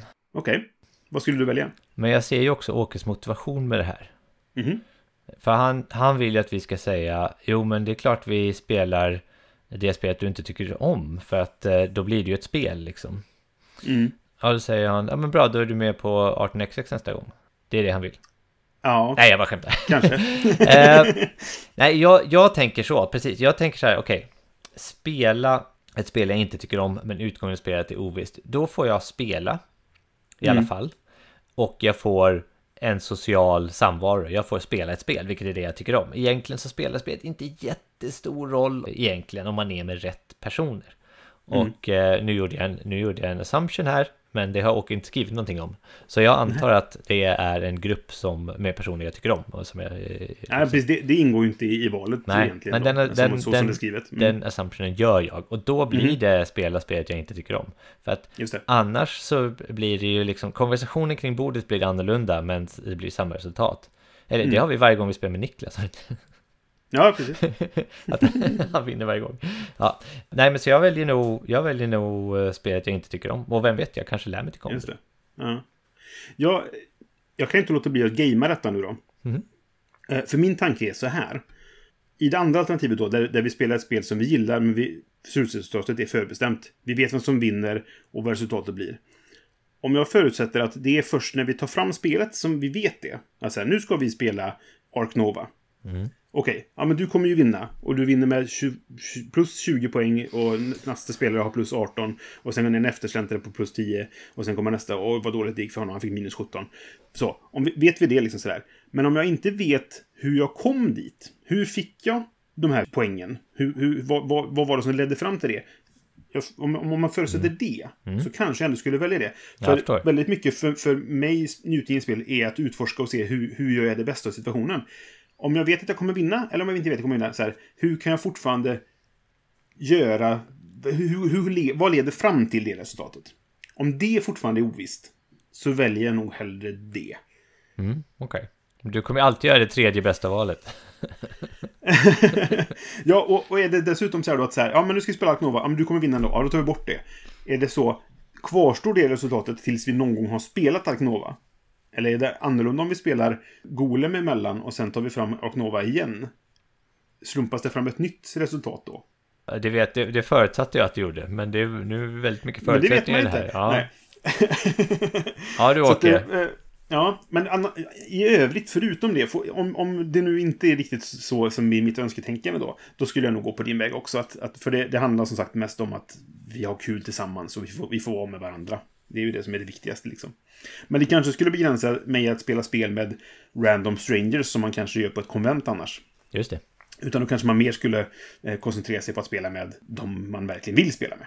Jag är fortfarande säker på att Åke har ställt den här för att han vill spela 18xx med oss. Ja. Antagligen fall- så. Han är, Tack, han är slug, den här Åke. Tack för frågan. Han är slug den där Åke. Då har vi en fråga från Thomas Engström, alltså Konrad Argo. Mm. Känd från tv, eller vad säga, men från YouTube. Och eh, eh, Sveriges största brädspelsgrupp, tror jag det är, ändå, på Facebook. Just det. Har ni något spel i samlingen som ni skulle vilja uppgradera komponenterna på? Antingen för att ni tycker att det hade, eh, ändå hade kunnat se lite finare ut, och då tänker jag även illustrationer. Eller helt enkelt för att det är en favorit i samlingen. Och då menar jag ändra om det är släpp, har hade släppts någon form av supertjusig specialgåva till ett rimligt, om än fortfarande högt pris. Eller att ni helt enkelt hade fått chansen att köpa helt nya tjusiga komponenter enbart till ett lägre pris. Jag, jag tycker det här var svårt faktiskt. För jag Ja, det är att, svårt. jag tycker att så här, identiteten i ett spel sitter mycket i dess komponenter. Och är de lite så här Mm. fulsnygga och det är ett jättebra spel så kan det ändå hänga ihop rätt bra. Så, så jag är lite så här, jag är lite, jag är lite kluven hur jag ska sätta det. Och framförallt då så tycker man att nu för tiden så är det ganska många spel som släpps i en sån här deluxe-utgåva. Alltså, och och, och Ja, den visst. köper man ju. Så Men, ja, det där är en klassisk FOMO-grej. Ja, ja, alltså, här, Ja, verkligen. Om det är så att du, du kollar på Ja. Kickstarter, eller att det finns en förbokning eller någonting, och så är det typ så här, ja, du kan köpa den här varianten för 50 dollar, eller så Mm. köper du den här för 65. Och då får du de här finare komponenterna med screentryck och, eh, vad- och allt vad det nu är. Liksom, då? Mm. Då tycker man ju ofta så här att det är inte så mycket mer för det extra. Jag lägger det också. Liksom, så där. Ja, Beroende på vad det är. Om det inte är, om det inte är en, en Simon Kickstarter då får du skulle du lägga helt plötsligt eh, tusen dollar för att få en, en eh, gigantisk Cthulhu eller vad det kan vara. Just det. Men, men eh, nej, helt rätt. Det, det, är det finns ju ganska många spel som redan har en snyggare utgåva och du får välja på dem. Ibland ser jag snål och köper den billiga för att det är så här, i slutändan så handlar det ändå om, är spelet bra? Ja, precis. Och vet jag inte det i förväg, som till exempel på en Kickstarter, då kanske jag ändå väljer den billiga för att så här, i värsta fall, kom, om det är mitt bästa spel någonsin helt plötsligt, då är det alltid någon som säljer den där deluxe-utgåvan och så kan jag köpa den och så säljer jag mitt vanliga ex. Så kan det nog vara. Som du inte får någonting för då antagligen, för att alla vill ha bara deluxe-utgåvan eh, naturligtvis då. Det får man ju ta som en del i det. jag har ju ett par spel, jag, jag brukar sällan pimpa, om man nu ska använda det uttrycket då. Det är ett ganska fult uttryck egentligen. Men så, jag brukar sällan köpa saker till spel om det inte är ett spel som jag verkligen, verkligen gillar. Quarks och Quad Number till exempel, det köpte jag de här BGG, de här plastgrejerna som man Ja, kunde köpa till. Och det var, ju, det var ju dels för att jag visste att de slets ganska snabbt. Jag, jag var och spelade på något konvent så spelade jag med eh, Josefs version av spelet. Och de Mm. var ju redan så slitna att jag kunde känna skillnad på dem i påsen. Oj då. Mm, Och då kände jag, det här vill jag ju inte göra. Och det är det många som köper sådana här myntkapslar och lägger sina brickor i. mm, just det. Mm. Men så var jag på Spiel och då var BGG där och de sålde de här där och jag bara, okej. jag köper en uppsättning. Mm. Och det kostar nästan lika mycket som spelet, om inte mer än spelet. Men nu har jag ju också Ja. Mm. ett Quacks då som är väldigt fint och aldrig kommer slitas ut. Och det är ju fint. Mm, Det är kul för dig. Jag hatar ju det spelet, men ja. Ja, jag vet. Mm. Men, men så, det, vi behöver inte spela det. Men, ja. Eh, och sen har jag då fastnat så mycket för Ark Nova nu. Och här, ibland kan jag få en idé att här skulle jag vilja pimpa med detta. Så det har jag ju köpt nu då. eh, De här små gummidjuren som heter Good Luck Minis tror jag de heter. Just det. För de visste jag att de fanns. De såldes på Universium för. De har tyvärr slutat sälja dem och så. Jag tänkte att de skulle vara kul att ha. Så kan man sätta ut sin lilla björn sen när man bygger en björninhägnad och så vidare. Ja, Så de har ju jagat nu och letar efter. Jag har fått tag på 25 olika djur. Och hur många har du på din lista, sa du? 137. 137. 137 är de. Så jag, jag behöver eh, ja, 102 till. 112 till. Ja, jag kan inte ens räkna. Så det kan vara mitt svar då. Har ni något spel i samlingen? Ja, Mm. jag vill ha mer djur till Arknova. Thomas. Det är det jag är ute efter. Men det finns lite annat. Jag köpte när jag hade Pandemic fortfarande så köpte jag för det var när Wish var nytt. Och alla köpte saker Aha, på Wish. just det. eh, Mm, I drivor. Och allting var jättebilligt. Då köpte jag sådana här Petri dishes. Som man kunde ha okej. eh, sjukdomsmarkörerna i. Sådana grejer kan jag tycka är roligt. Och jag Ja, ja. tycker ju om att pimpa mm, det jag har till spel. Jag så jag köper små skålar som jag har när vi, som man kan lägga komponenter i och sådana saker. Men det är ju liksom någonting som jag använder till alla mina spel. Liksom. Eh, så sånt tycker jag är kul. Nej men jag då, jag, har, jag köper ju gärna, alltså, i ett spel jag gillar så köper jag gärna uppgraderingar. Alltså jag har ju uppgraderat, um, ja, det senaste nu då, nu, nu eh, var ju uh, Dune Imperium ett, ett spel jag fick. Men det spelade Just jag, det. tyckte jättemycket om, köpte uppgraderingskittet. Ja, för då köpte du plastfiguren istället för träkuberna. Liksom. Just det, precis. Mm, precis. just det. Eh, sen skulle jag gärna vilja uppgradera spelplanen på det spelet också, men det är Ja, det, nu, en annan mm, sak. jag inser ju. Jag köpte ju den här jättelådan med plastgrejer och sånt till Terraforming Till Mars. Terraforming Mars gjorde du va? Just ja, just det. Ja, det det har inte jag. jag gjort. Och jag Nej. har också ett vanligt, eh, vanligt exemplar av Gugong som är ett ganska bra spel. Som, som jag skulle vilja köpa, det gjorde jag samma sak så här. Är det här ett bra spel? Så köper jag up, upgrade-kittet. Ja, just det. Ja. Men så köpte jag det spelet i Essen. Mm. Och då stod, då stod designen där. Ska jag signa din låda? Ja, det får du göra. Just Så nu har jag Ja. en, en låda som är signad. så den vill jag inte byta ut. Men i alla fall.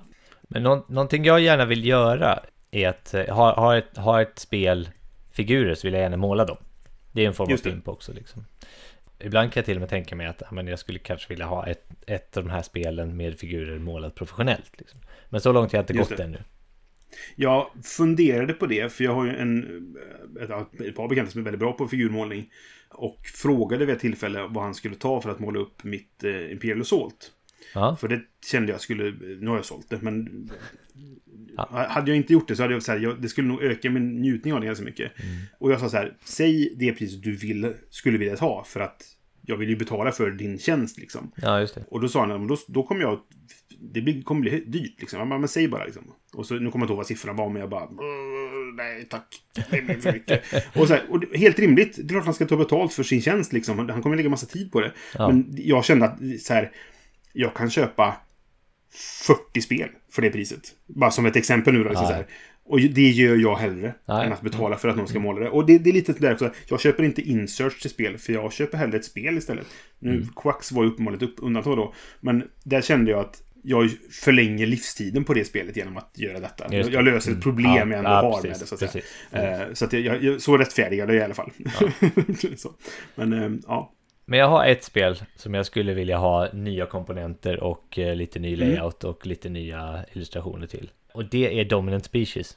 Det är ju ett ganska gammalt spel, det har ju några år på nacken och... eh, ja, och inte jättefint. Det. Det är inte jättefint alltså, men det är ju ett Nej. jättebra spel. Så det- skulle, om man nu ska direkt svara på, på Thomas fråga här, Ja, just det. så skulle jag säga Dominant Species. Ja, och jag säger eh, mer små gummidjur till Arknova, säger jag. Med computer Skitbra. Vi går vidare till nästa fråga Mm. från Joakim Schön som frågar vilka är era favoritkonvent? Ja, Och det var ju faktiskt, eh, vi har ju följande att eftersom man ställt frågan så, så kan vi säga flera. Och det känns ju skönt för då slipper man... just, just för att konvent är, är samma ord i plural som i... eh, Ja, men eh, vilka är, vilka är era Ja, det, vilka, jaha, nej, det var, ja, ja, ja, ja. Fast i och för sig, det skulle kunna vara mitt favorit Mitt och, och din favorit. Ja. Ja. så kan det vara. Jag tänker tolka det som att jag kan välja flera. Vi smäller på, jag har en topp tre-lista. Ja, kul. Jag har, jag har inte ens gjort en sån lista, men Nej. det vi kan börja med kanske är att säga så här, räknar vi Spiel som ett komment? Ja, det har jag gjort. Ja, och det gör väl jag också. För det de säger ju att det är en mässa är det kanske. Ja. Och så här, mäss, och pratar man svenska komment så är det inte ett komment. Och sen finns det då något som heter kon, alltså de am- amerikanska. Och det är, inte, det är någon sorts blandning mellan en mässa och det som vi gör i Sverige. Mm, mm. Sådär. Men, men eh, låt oss eh, blanda in Spiel också. Och då, då får jag nog säga Spiel är med på min topplista. Jag har ingen ra- in, inbördes ranking nu då. Hur, hur ser din rankinglista ut nu då? Om du har den topp tre?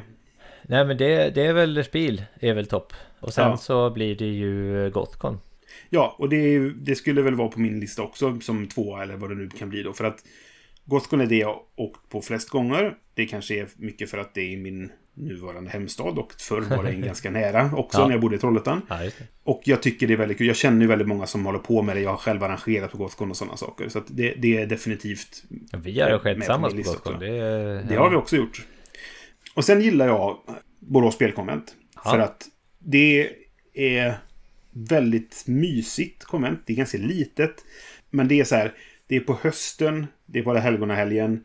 Det är, liksom, det är regnigt och blåsigt ute, man vill inte vara ute ändå. Det är väldigt mysigt att sitta inne och spela spel. Så att av den anledningen- så gillar jag BSK väldigt mycket. Mm. Mm. Ja, BSK är trevligt. Och vi har haft väldigt mycket bra rollspels-sessions där med eh, Mm. gangsterteatern då när vi höll på med Mm. Mm. Det det. Eh, Så det, det, det får jag nämna också. Ja. eh, Helt enkelt. Mitt, eh, min tredje plats går till Halmikon. Måste vi göra. Ja, jag, mm, jag, jag, jag har övervägt Halmkon, men Halmkon finns inte längre. Så jag vet inte om nej, jag det var fortfarande kan säga vet, det. vad var det, tre år kanske? Tre, som vi gjorde det. Och sen var det några år som det faktiskt var någonting, men som vi jag inte Ja, ens så visste att det det var var. någonting Så i kanske det var. Mm. Men nej, Halmkon absolut, det ligger mig också väldigt varmt om hjärtat. Men det var, det var lite först, det första Halmikon, det var, ligger, det, det, det, då var ju Mm. Min förening arrangerade det liksom, så att eh, man hade rätt mycket mer att göra och det var så kul att se när folk, liksom, när vi slog upp dörren och folk verkligen kom liksom. Det var, Ja, det var, nej, men verkligen. det var, och sen så skrev vi ett antal scenarier. Ja, nej, Eh, precis. Ja, och det här, um, det här meta-äventyret som vi skrev. Ja, skitsamma, det är inte viktigt Ja, just det, för, spelmötet. för eh, Mm. spelmötet. Ja. Och jag spelade Water Heroes of Made of med, med eh, Sevan.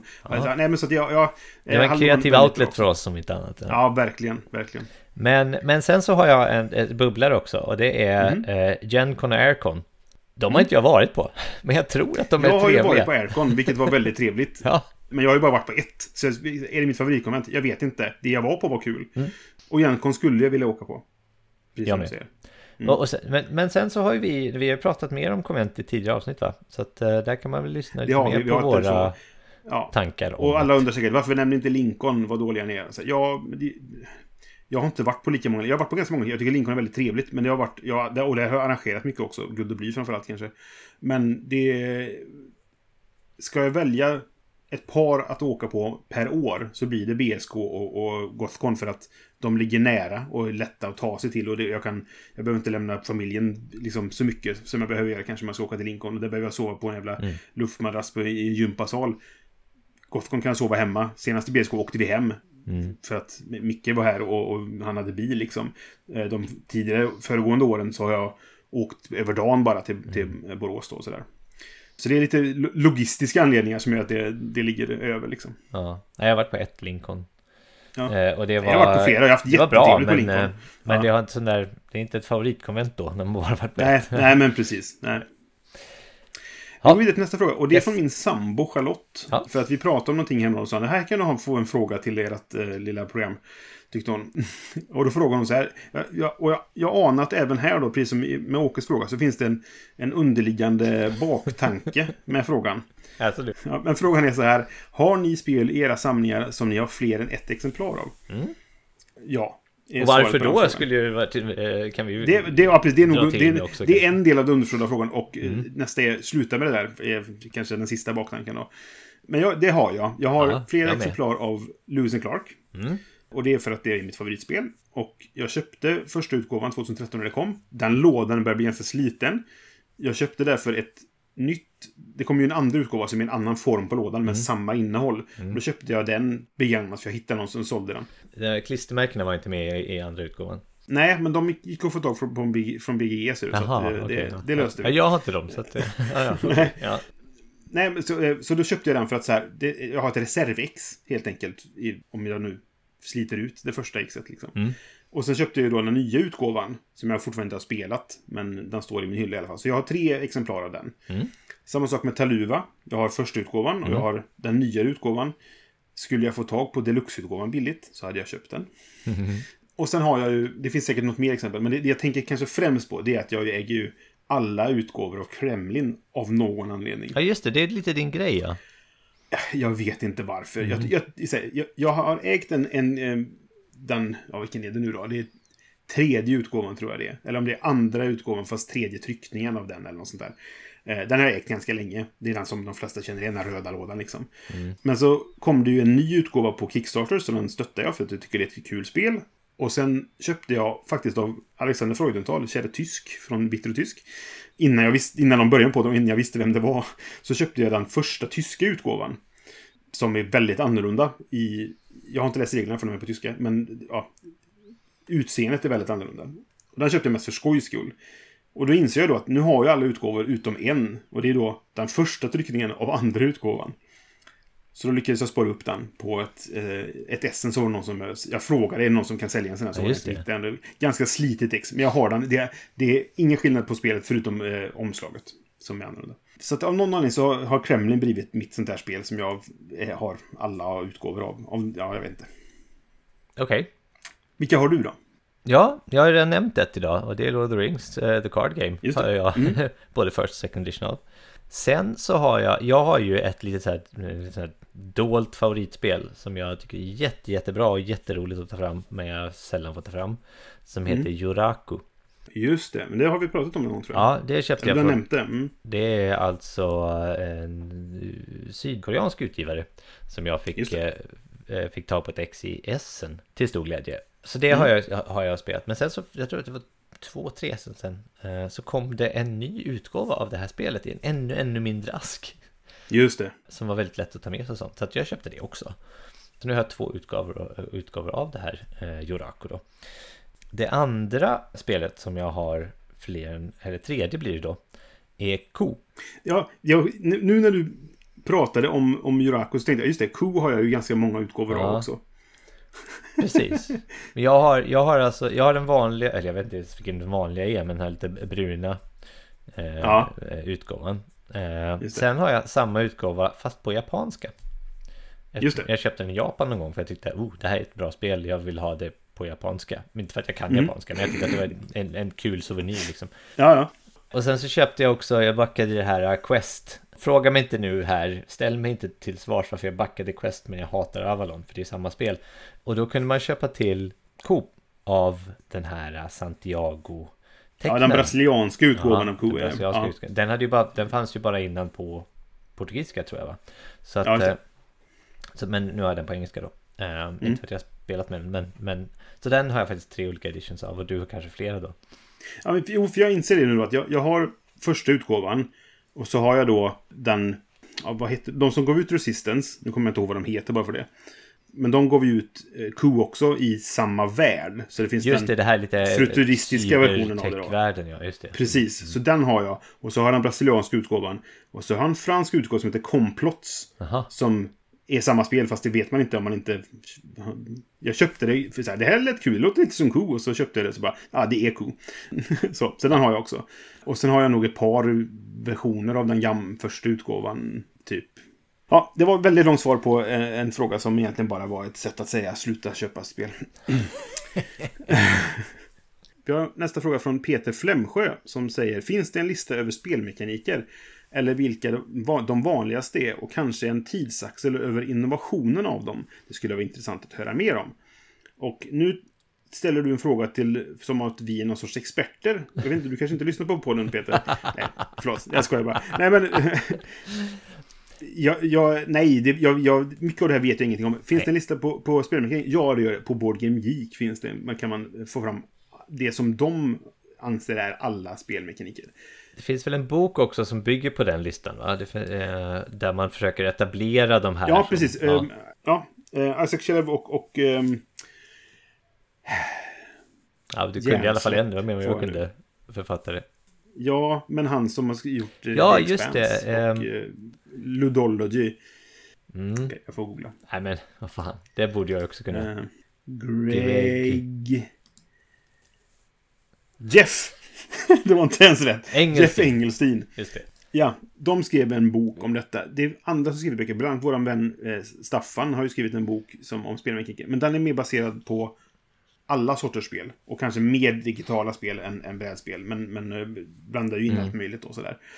Så det, det, det finns listor och det finns, man kan köpa böcker om det säkert. Så. Men vill man ha en, en lista som är lätt att hitta och som är ganska eh, utförlig så, så finns det en på Board Game Geek då. Vi diskuterade ju den här listan i vårt avsnitt om speltermer, typ första mellanturerna vi gjorde. Ja. Och vi tyckte väl att den är lite för... Ja, då- avsnitt två och tre är det. Eh, vi, vi, vi fick göra det till två Ja, för att det, det blev... pratade så mycket. Det blev för mycket för ett avsnitt. Det var på den tiden vi tyckte att vi skulle hålla dem kort. Hur tiderna har förändrats. Ja. Och den listan, där har ju vi lite åsikt om den här listan. Där Ja. eh, vi kan ju tycka att många av dem går in i varandra och eh, är lite luddiga och sådär. ja, precis. Vart går gränsen egentligen mellan de här två? Men man borde Så, kunna, m- vi borde kunna svara eh, bättre, men det får vi nog ta lite längre tid till på vilka de mest populära är Ja. enligt oss och kanske, jag kanske inte, vi kanske inte kommer fram till ehm, en helt objektiv tidslinje över olika spelmekaniker, men jag tror att vi skulle kunna sätta ihop våran egen till exempel. Det ska man säkert kunna. Och vilka som är de vanligaste kan man nog genom att klicka sig runt på Board Game Geek komma fram till. För att söker du på en eller hittar den så kan du ju se hur många spel som finns med den Ja, mekaniken till precis. exempel. Så man, man kan ju gissa att enkla saker som, som dice rolling eller något liknande är ganska vanligt till exempel. Area majority kanske, hand management, Ja, men det är nog inte lika vanligt som man kanske tror. Work Men, eh, placement. jag, jag kommer inte ihåg, för att det, det finns ju, det, bara för att förvirra då, så finns det ju, förutom då det de kallar för spelmekaniker, även det här som kallas, eh, ja, vad heter det ens nu då? Ja, Det finns ju då ehm, eh, alltså, ka- kategorier och family. Och bara för att förvirra det som sagt då. Och, och, och, och ja, vad man nu ska hi- hitta på. Då. Men det finns ju massa olika. Take that är säkert ganska vanligt. Kan, man, kan man anta liksom. Men, men eh, gå till Board Game Geek och, och sök på detta. För det, det finns eh, jättemycket att läsa. Där. Korta beskrivningar av vad det olika är. Och så kan man säkert hitta som sagt vad som är vanligast. Nu klickar jag bara på något som exempel. här. Action points finns 6496 spel som använder. Bara mm. eh, jag eh, klickade på income och fick bara 515. Men, Precis. Och eh, koll, klickar jag nu på tar vi hand management till exempel. Då finns det 18 760 spex spel som använder det. Så att, ja. Det finns Det mycket. finns mycket olika. Men Ja. jag tror inte vi har någon så här konkret lista som vi, eh, vi följer. Nej, eh, det har vi inte. Och vad vi tycker det är det vanligaste heller. Men det är någonting som är kul att ha koll på, för Ja, man pratar ju precis. mycket om det. det. Vi nämner ju spelmekaniker hela tiden. Men vi brukar ju referera till den här listan på Board Game Geek. Liksom. Det är den som vi brukar eh, Ja. titta på. Precis. Ja, Vi tar nästa fråga från Kristoffer Wiker, vår vän Stoffe, som säger Vad tänker ni om den nya vågen av TCG som är på G? Han har exempel som är Flesh and Blood och Sorcery och etc. Och här tog han mig lite på sängen, för jag, bara, vilken då nya våg av TCG tänkte jag. Och frågade, och då sa han, ja, Flesh and Blood och Sorcery till exempel. Vilket jag kollade upp då, och det, det här är ju, jag hade ju inte hört talas om de här, men båda, eller i alla fall, jag kommer inte ihåg vilken som vilken, för jag, jag sökte lite på detta, men nu har jag tagit bort min de flikarna, så nu kan jag inte säga längre. Men en av dem gick väldigt bra Ja. på, på Kickstarter i alla fall, vet jag. Det var det Sorcery som gjorde det. eh, möjligtvis. jag tror det. Men jag är inte helt hundra. Jo, jag tror det. Jag är inte säker Nej. på att den andra var på Kickstarter överhuvudtaget. Nej, det kan hända att den inte var. Den kanske bara getts ut då. Och sen, det, det finns fler exempel och om man bakar in då dessutom det här med LCG som är samma sak fast du köper inte booster packs liksom. Så, så, så finns det säkert en våg. Men jag har ganska dålig koll på det där. Jag vet inte, du kanske har lite bättre koll? Jag vet inte om jag har någon större koll än vad du har. Jag, jag, jag, det känns lite på mitt, sätt, på mitt sätt att se det att liksom LCGs konkurrerade bort TCGs. Eller i alla fall eh, slog ut många liksom. Ja. ja, för dig. Ja, för mig, men jag, jag tycker inte att jag har sett så jättemånga samlarkortspel som, dels som har hållit sig, men dels som har kommit nya. Förutom kanske. Pokémon, Magic, de här som har varit- eh, funnits Pokémon, Yu-Gi-Oh! och Magic eh, säger jag som ren amatör på arenan. Så det är väl de som fortfarande lever och, och Det skulle jag frodas, säga också. Kan man säga jag då. tycker att liksom så här, LCG har, har ersatt det där totalt för mig. Liksom. Det finns till och med turneringsspel Ja. och man behöver inte...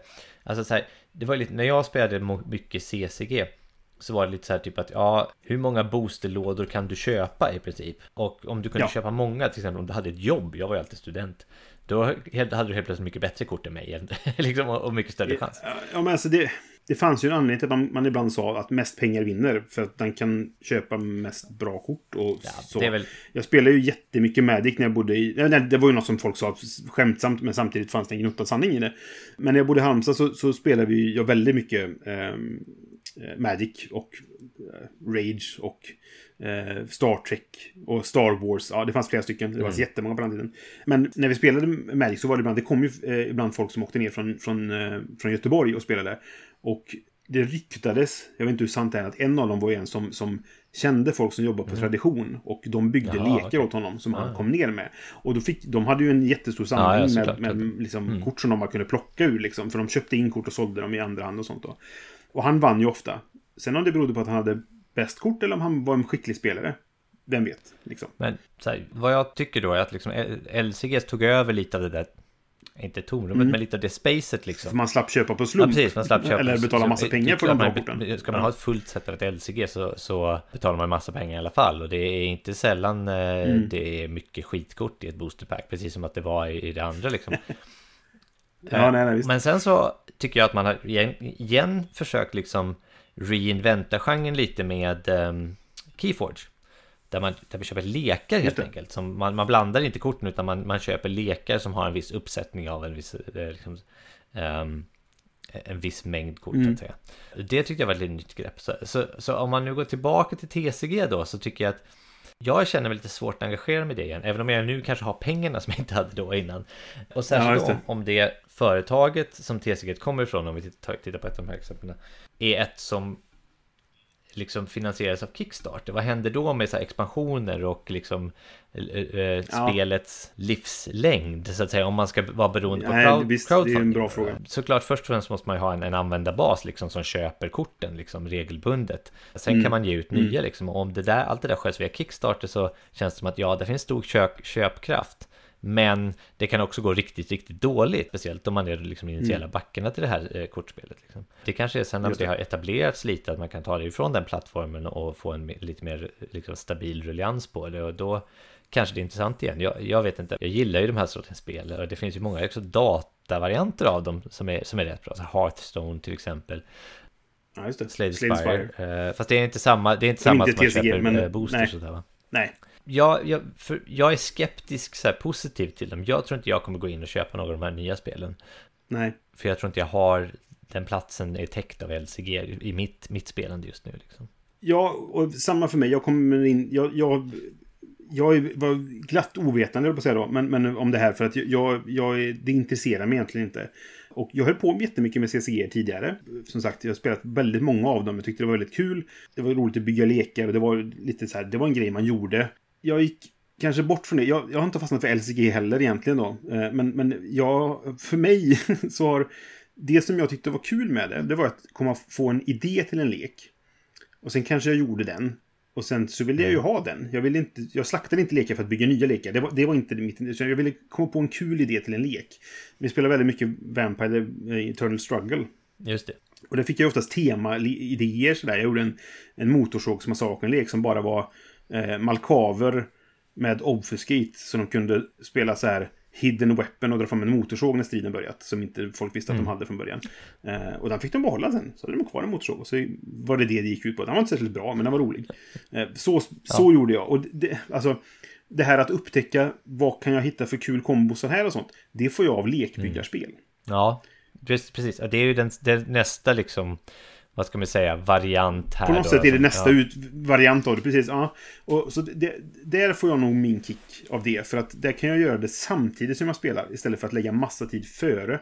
Som jag inte riktigt har då. Då jag hellre kanske gör andra saker med, med den tiden kring spelen då kanske då. då så här, det här när man gamer eller så här, mediterar genom att sitta och pluppa och sliva och, och det där liksom. Det var ju det man kanske gjorde när man satt med eh, flera permar i soffan mm. i, knät och försökte hitta det där kortet som man ville ha. Så där då, va? Det, det var kul då, men just nu har jag inte riktigt det i mig längre att göra det. Så jag har inte riktigt intresset av, av TCG-erna som, som finns nu. Då. Men det, det, är ändå intressant. Jag, jag... jag tycker, eh, jag, nu när eh, Stoff har uppmärksammat oss på, på de här liksom, nya spelen som kommer så mm. är det mm. klart man får bevaka dem lite. Det finns ju ett visst intresse i, i det så att säga. Och det, det, är nog så, för jag, jag kollar ju på crowdfunding då, det här eh, Dice Tower-programmet så att säga. Där de pratar om vad är som finns på Kickstarter just nu. Och det är flera gånger de har tagit upp så här, ja, här har vi något sorts samlarkortspel som jag aldrig har talat om och som... Och de bara så här, hur får de så här mycket pengar? För det är miljonsummor mm. Mm. i dollar varje gång. Ja, okay. liksom. Och, och så här, vad är det som gör det? Och jag undrar om det inte är så att folk är så här, de vill komma in på startsteget mm. på nästa Magic. Ja, kanske. Kanske. Att du vill vara med där och kunna vara med från början och få alla de korten som sen blir bannade för att de var för bra. eller som när nästa utgåva kommer så är de inte så, och så blir de värda jättemycket pengar. Det kanske är det, jag vet inte. Eller så vill folk hitta nästa sånt där spel som är riktigt bra som inte är Magic. Och jag menar, Magic kan du ju spela professionellt nu för tiden. Jag vet inte om det fortfarande går, men var, för några år sedan i alla fall så var det ju så här, då jag hade mer koll på det. Så var det folk som levde ja. på att spela Magic. Ja, just det. Och att folk kanske vill hitta det, nästa spel som mm. blir det. För då kan de ha kommit in, som sagt, på grundnivån, ha alla de bra korten och börja liksom göra, tjäna på, eller få tillbaka pengarna som du kanske lagt på då. Jag vet inte, jag bara slänger du mig i tankar här nu liksom sådär. Men, och det är ett intressant ämne, men jag, jag har lite koll och det här kanske också då någon gång i framtiden kan det vara ett, ett, ett avsnitt vi kan prata om det. Soffe får vara med, för han verkar ha precis. Eller jag, jag, är rätt, jag, jag, tror han har koll. Så, så att han kanske kan få vara en expert då. Eller så tar vi in någon annan som är, är expert på det. Jag vet inte, men det, det är intressant. Ja, nej men eh, det, det, det har varit en, liksom en kul, eller en stor del av, av mitt så här spelliv liksom. När, när jag höll på väldigt mycket med CCGS. Ja, jo. Ett tag. Och om det nu kommer tillbaka nya som blir populära på den skalan så blir jag såklart nyfiken. Jag har ju sålt av mina här, samlingar med kort successivt nu för att de har legat i källaren och jag har insett att jag kommer ju inte spela det ja. igen. Liksom. Så jag har sålt av dem sådär. Jag har kvar en Netrunner-lek och jag har kvar en Rage-lek. Som så här, någon gång kanske de kommer fram. Jag behöll faktiskt ingen lek till Vampire, ja, inser jag nu. Det borde jag behållit någon lek i alla fall. Jag har ja. ju alla mina Vampire-kort kvar. Alla mina Star Wars-kort, alla mina mm. Lord of the Rings-kort. Plus eh, alla de andra X-Files, Warcraft, Rage. X-Files har jag kvar. Jag har kvar alla ja, mina X-Files-kort. För det är ju jättekul. Det är ganska ja, det är annorlunda, annorlunda precis. för att vara ja. också. Fast ändå rätt jäkla klankig om man tänker. Liksom. Ja, I alla fall. Ja, ja, jo. Men det är We kul, digress. Ja, Hur som helst. Äh... Ja, precis. Tack ja, för din fråga, Stoffe. Och jag tänker så här. Nu har vi pratat länge. Det här fick nog vara den sista ja. frågan helt enkelt. Vi har alla har fått ställa åtminstone en fråga. Vi tar inte några av reserverna så att säga då. Eh, för att eh, vi har hållit på länge nog. Då går vi helt enkelt vidare. Vi har ju två punkter ja. till. Så att vi kanske ska som sagt, avrunda frågan nu så att vi hinner med de två också. Men jättetack för alla frågorna. Det var kul att prata om det här. Stort tack. Och åtminstone en av er, vi har inte riktigt bestämt hur många priser vi har än, men åtminstone en av er kommer vinna någonting av ja. oss. Nu går vi vidare till nästa programpunkt.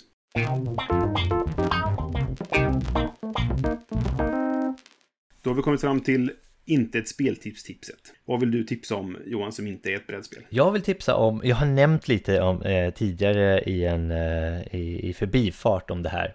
Men det kom upp på tapeten Mm. igen.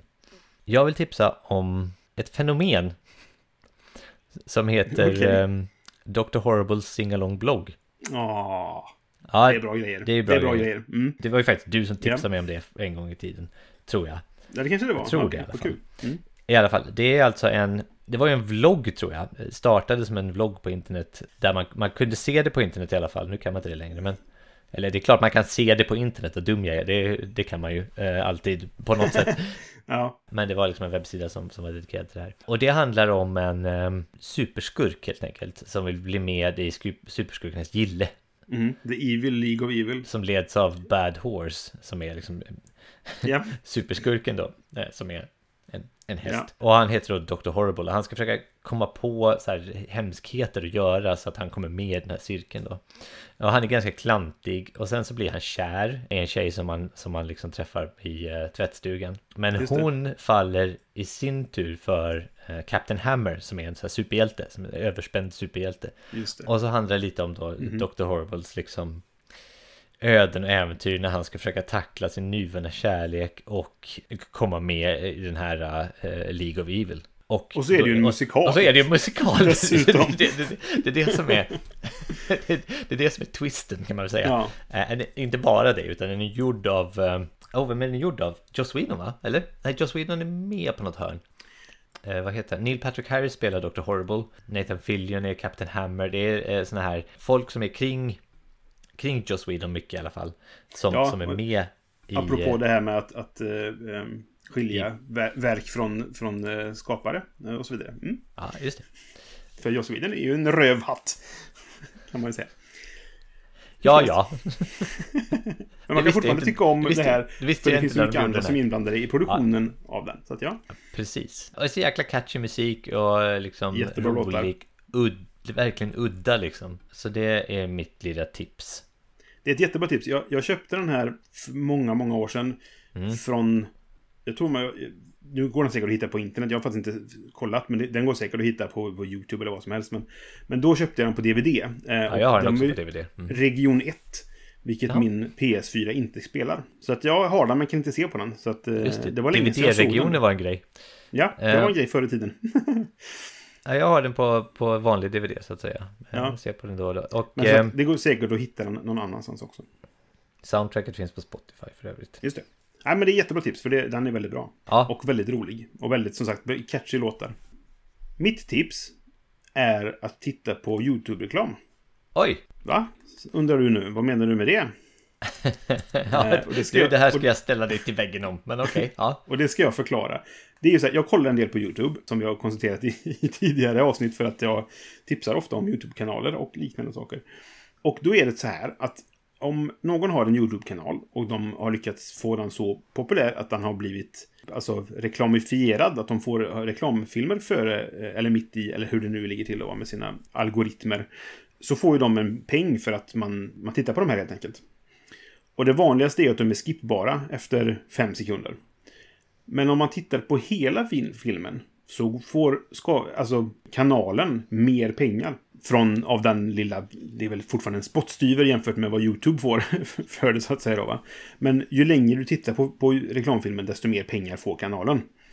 Så att om det är en kanal som du vill stötta ekonomiskt men du känner att du inte riktigt har råd att betala på en Patreon eller liknande. Så kan du i alla fall strunta i att skippa reklamen. För då får de lite mer pengar.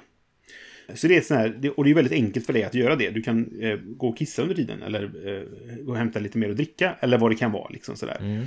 Eller bara lida ut för att du gör, gör något fint för den som har kanalen. Så det är mitt tips. att så här, Skippa inte alltid om det kanske då främst när det är så här små kanaler som du, du verkligen vill stötta. Så kan du passa på att titta på eh, hela reklamen, eller låta hela reklamen spela i alla fall. Så det är mitt Bra tips. tips, det vet Ja. säkert inte alla om. Nej, jag tror inte det. Och det här har jag fått... Det är Josef som har berättat det här för mig. För att han har ju en kanal som får reklam och han säger det att tittar man på mina reklamer så får jag mer pengar. jag vet inte hur mycket, det får Josef svara på vid något tillfälle om han är... Ja, Jag vill ha med Josef här. Du får vara med någon gång i något avsnitt, eh, Josef, så får vi reda ut det där kanske. Ja, precis. Ja, det får bli när vi, när vi gör våra växel till YouTube sen då så... så eh, Det kommer aldrig hända. Det är ingen som vill se på det här ansiktet. nej, det är ingen som vill se på oss. Min pappa jobbade med radio och han, han... Det var någon som sa till honom att han har så bra radioansikte. Ja, det där är en klassisk grej. Eh, att man, man kan ha radioansikte. Det är bara, man har Ja. för ful för att vara i tv. Okej. Hur som helst, vi går vidare till vår nästa programpunkt.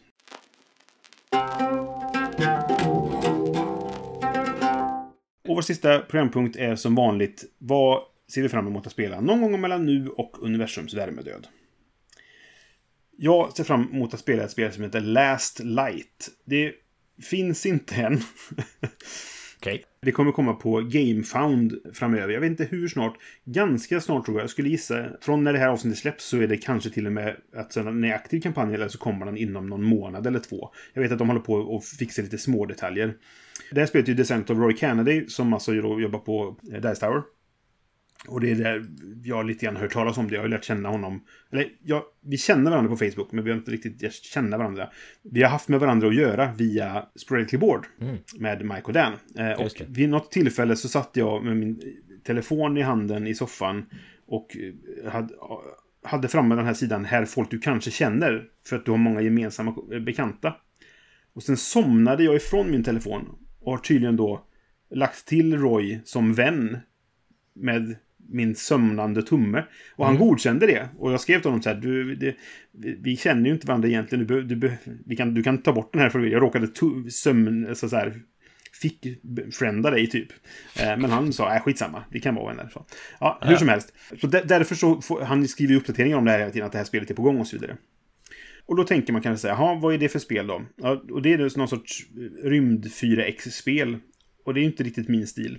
Nej. Nu verkar det ganska snabbspelat. Men den enkla förklaringen, kanske den enda anledningen, inte riktigt nej, till varför det är. Jag ska läsa första raden ur beskrivningen på Borgen Geek så kommer du strax förstå varför jag är nyfiken på det här spelet. Det står det så här. Last Light is a fast-paced 4X game with 3D planets and a rotating board in which players playing asymmetrical alien factions simultaneously gather light right before the heat death of the universe. Och det räcker. Ja, ja, För då kommer jag kunna spela ett spel om detta någon gång mellan nu och när det händer. Så därför Bra. så får det vara med på som mitt se fram emot att spela. Nej, det, det bra. finns lite mer anledningar. Lite meta. Ja, men så. Flera av mina sådana här eh, utrikiska eh, spelkompisar som känner Roy då, på riktigt, kanske till skillnad från mig, har ju testat det här och tycker att det är ett riktigt bra spel. Och därför så är jag fortfarande nyfiken på det. Och det, det är lite innovativt, för du har alltså, det är ett roterande bräde. Du snurrar på planeterna och åker i omloppsbana runt genom att man vrider på spelplanen. Och det är Ja. små eh, eh, planetmodeller, vilket är bara liksom bling sådär. Men det verkar lite, det är en kul grej så. Och jag tycker det är en intressant idé då att, att du samlar ljus vid, ja, the heatest over the universe. Jag- Så att det, jag, jag går igång lite på det. Och sen så när jag läste den där raden bara, det här måste jag ta upp. Ja, men det låter ju kul och det låter lite som lite så här innovativt med snurrande spelplan också. Jag menar, det har vi ju sett förut. Det kanske men, eh, bara är en gimmick, jag vet inte. Men jag Det är ju tror ofta att att det blir en gimmick, ja precis. Jo. Men, ja. Men jag tror att det är en, det är en, en, en stor del av spelmekaniken också. Det är baserat kring det. Det är inte bara en gimmick. Men eh, Nej. Kanske till viss del så. Jag ser fram emot det, men det är lite också på skoj. Just för att eh, det har med The Heat to Death of the Universe att göra. Så vad ser du fram emot att spela? Ja, jag ska vara lite tråkig och Jaha. välja en expansion. Det är Och okej. då är det så här, då är det så här, ja men jag är så här, ja du vet, ganska... Jag skapar åsikter ganska lätt om spel. Okej, ja. Och nu har jag ju spelat uh, Dune Imperium och tyckte det var jätte, jättebra. Men jag har bara spelat en gång. Ja, Men såklart när jag spelat det en gång och tyckte det var jätte, jättebra så ska jag såklart köpa upgrade-kittet. Och det gjorde jag ju då. ja. Och då hade ju expansionen kommit ut också, så då köpte jag den med. Så jag, jag ser Du fram går emot... emot alla dina principer som du sa i vårt expansionsavsnitt. Tyst! Så har jag... så, så jag ser fram emot att spela Dune Imperium-expansionen som heter Rise of X. Just det. Jag har sett Dune-filmen nu så jag vet liksom eh, vad, eh, vad det är, vad, vad, vad liksom det här är. Vad handlar det om egentligen? någonting. Men jag vet inte fan vad Ix är. Vilket, det. vilket grämer mig lite. Och det är några familjer där som jag inte känner igen heller. Och då känner jag, vad fasen, nu är den här klassiska liksom, ska jag läsa boken så jag vet vad det här är om? Eller ska jag bara spela spelet? Mm. Och sen finns det någon liten röst där som säger Hörru, borde du inte spela grundspelet mer än en gång Innan du bestämmer dig för att du verkligen gillar spelet och ger dig in på expansion, Kanske, expansionen Ja. Men nu går jag på de ytliga känslorna och då är det Rise of X jag ser fram emot Jag kan säga så här. Jag, jag har ju fortfarande inte spelat det här spelet. Jag Nej. tror att jag kommer gilla det också. Utifrån vad jag har sett och läst och så vidare. Så Ja. jag tror jag kommer gilla det också. Men jag har motstått frestelsen att köpa expansionen före jag ens har spelat spelet. Vilket jag har gjort tidigare. Men nu är det så här, nu, nej, nej Brisse, nu ska du behöver inte. Du kan spela det först. För expansionen kommer antagligen finnas kvar sen. För spelet är populärt. Och expansionen kommer inte försvinna. Men lägg märke till att jag sa att jag, jag hade spelat spelet en gång innan jag Ja, du har spelat det. Ja, ja. Jag, jag menar mig själv. Ja, ja, ja, jag har flera gånger suttit typ så här. Åh, ja, jag, kommer, jag kommer nog gilla det där. Det verkar ju väldigt bra. Kanske borde köpa expansionen. Mm. Eh, och så bara, nej. Du behöver inte det. Ja, men det är inte heller sunt att köpa expansion efter att du bara spelat spelet en gång Det är Nej, verkligen men FOMO. jag, alltså, antalet expansioner jag har köpt före jag spelat spelet ens en gång. Det är... It's too high! Eller vad säger den här memen? Han den här som sitter och hytter med näven. Alltså, det, det, det är väldigt många som har gjort det. Mm. Och nu, nu tänker jag att som nykter expansionist så Mm. ska jag inte göra det. Nej, Jag behöver inte den fixen. Jag klarar mig utan den. Jag kan köpa ett nytt spel istället. och, få min fix på det sättet. Nej men, skämt men fair enough. men, men så. Jag, jag, har, jag har verkligen suttit och typ så här hovrat med fingret över köpknappen. Att så här... eh, Och så, nej. Lugna ner dig. Så jag förstår dig. Mm. Och jag, jag, ehm, jag dömer dig bara lite.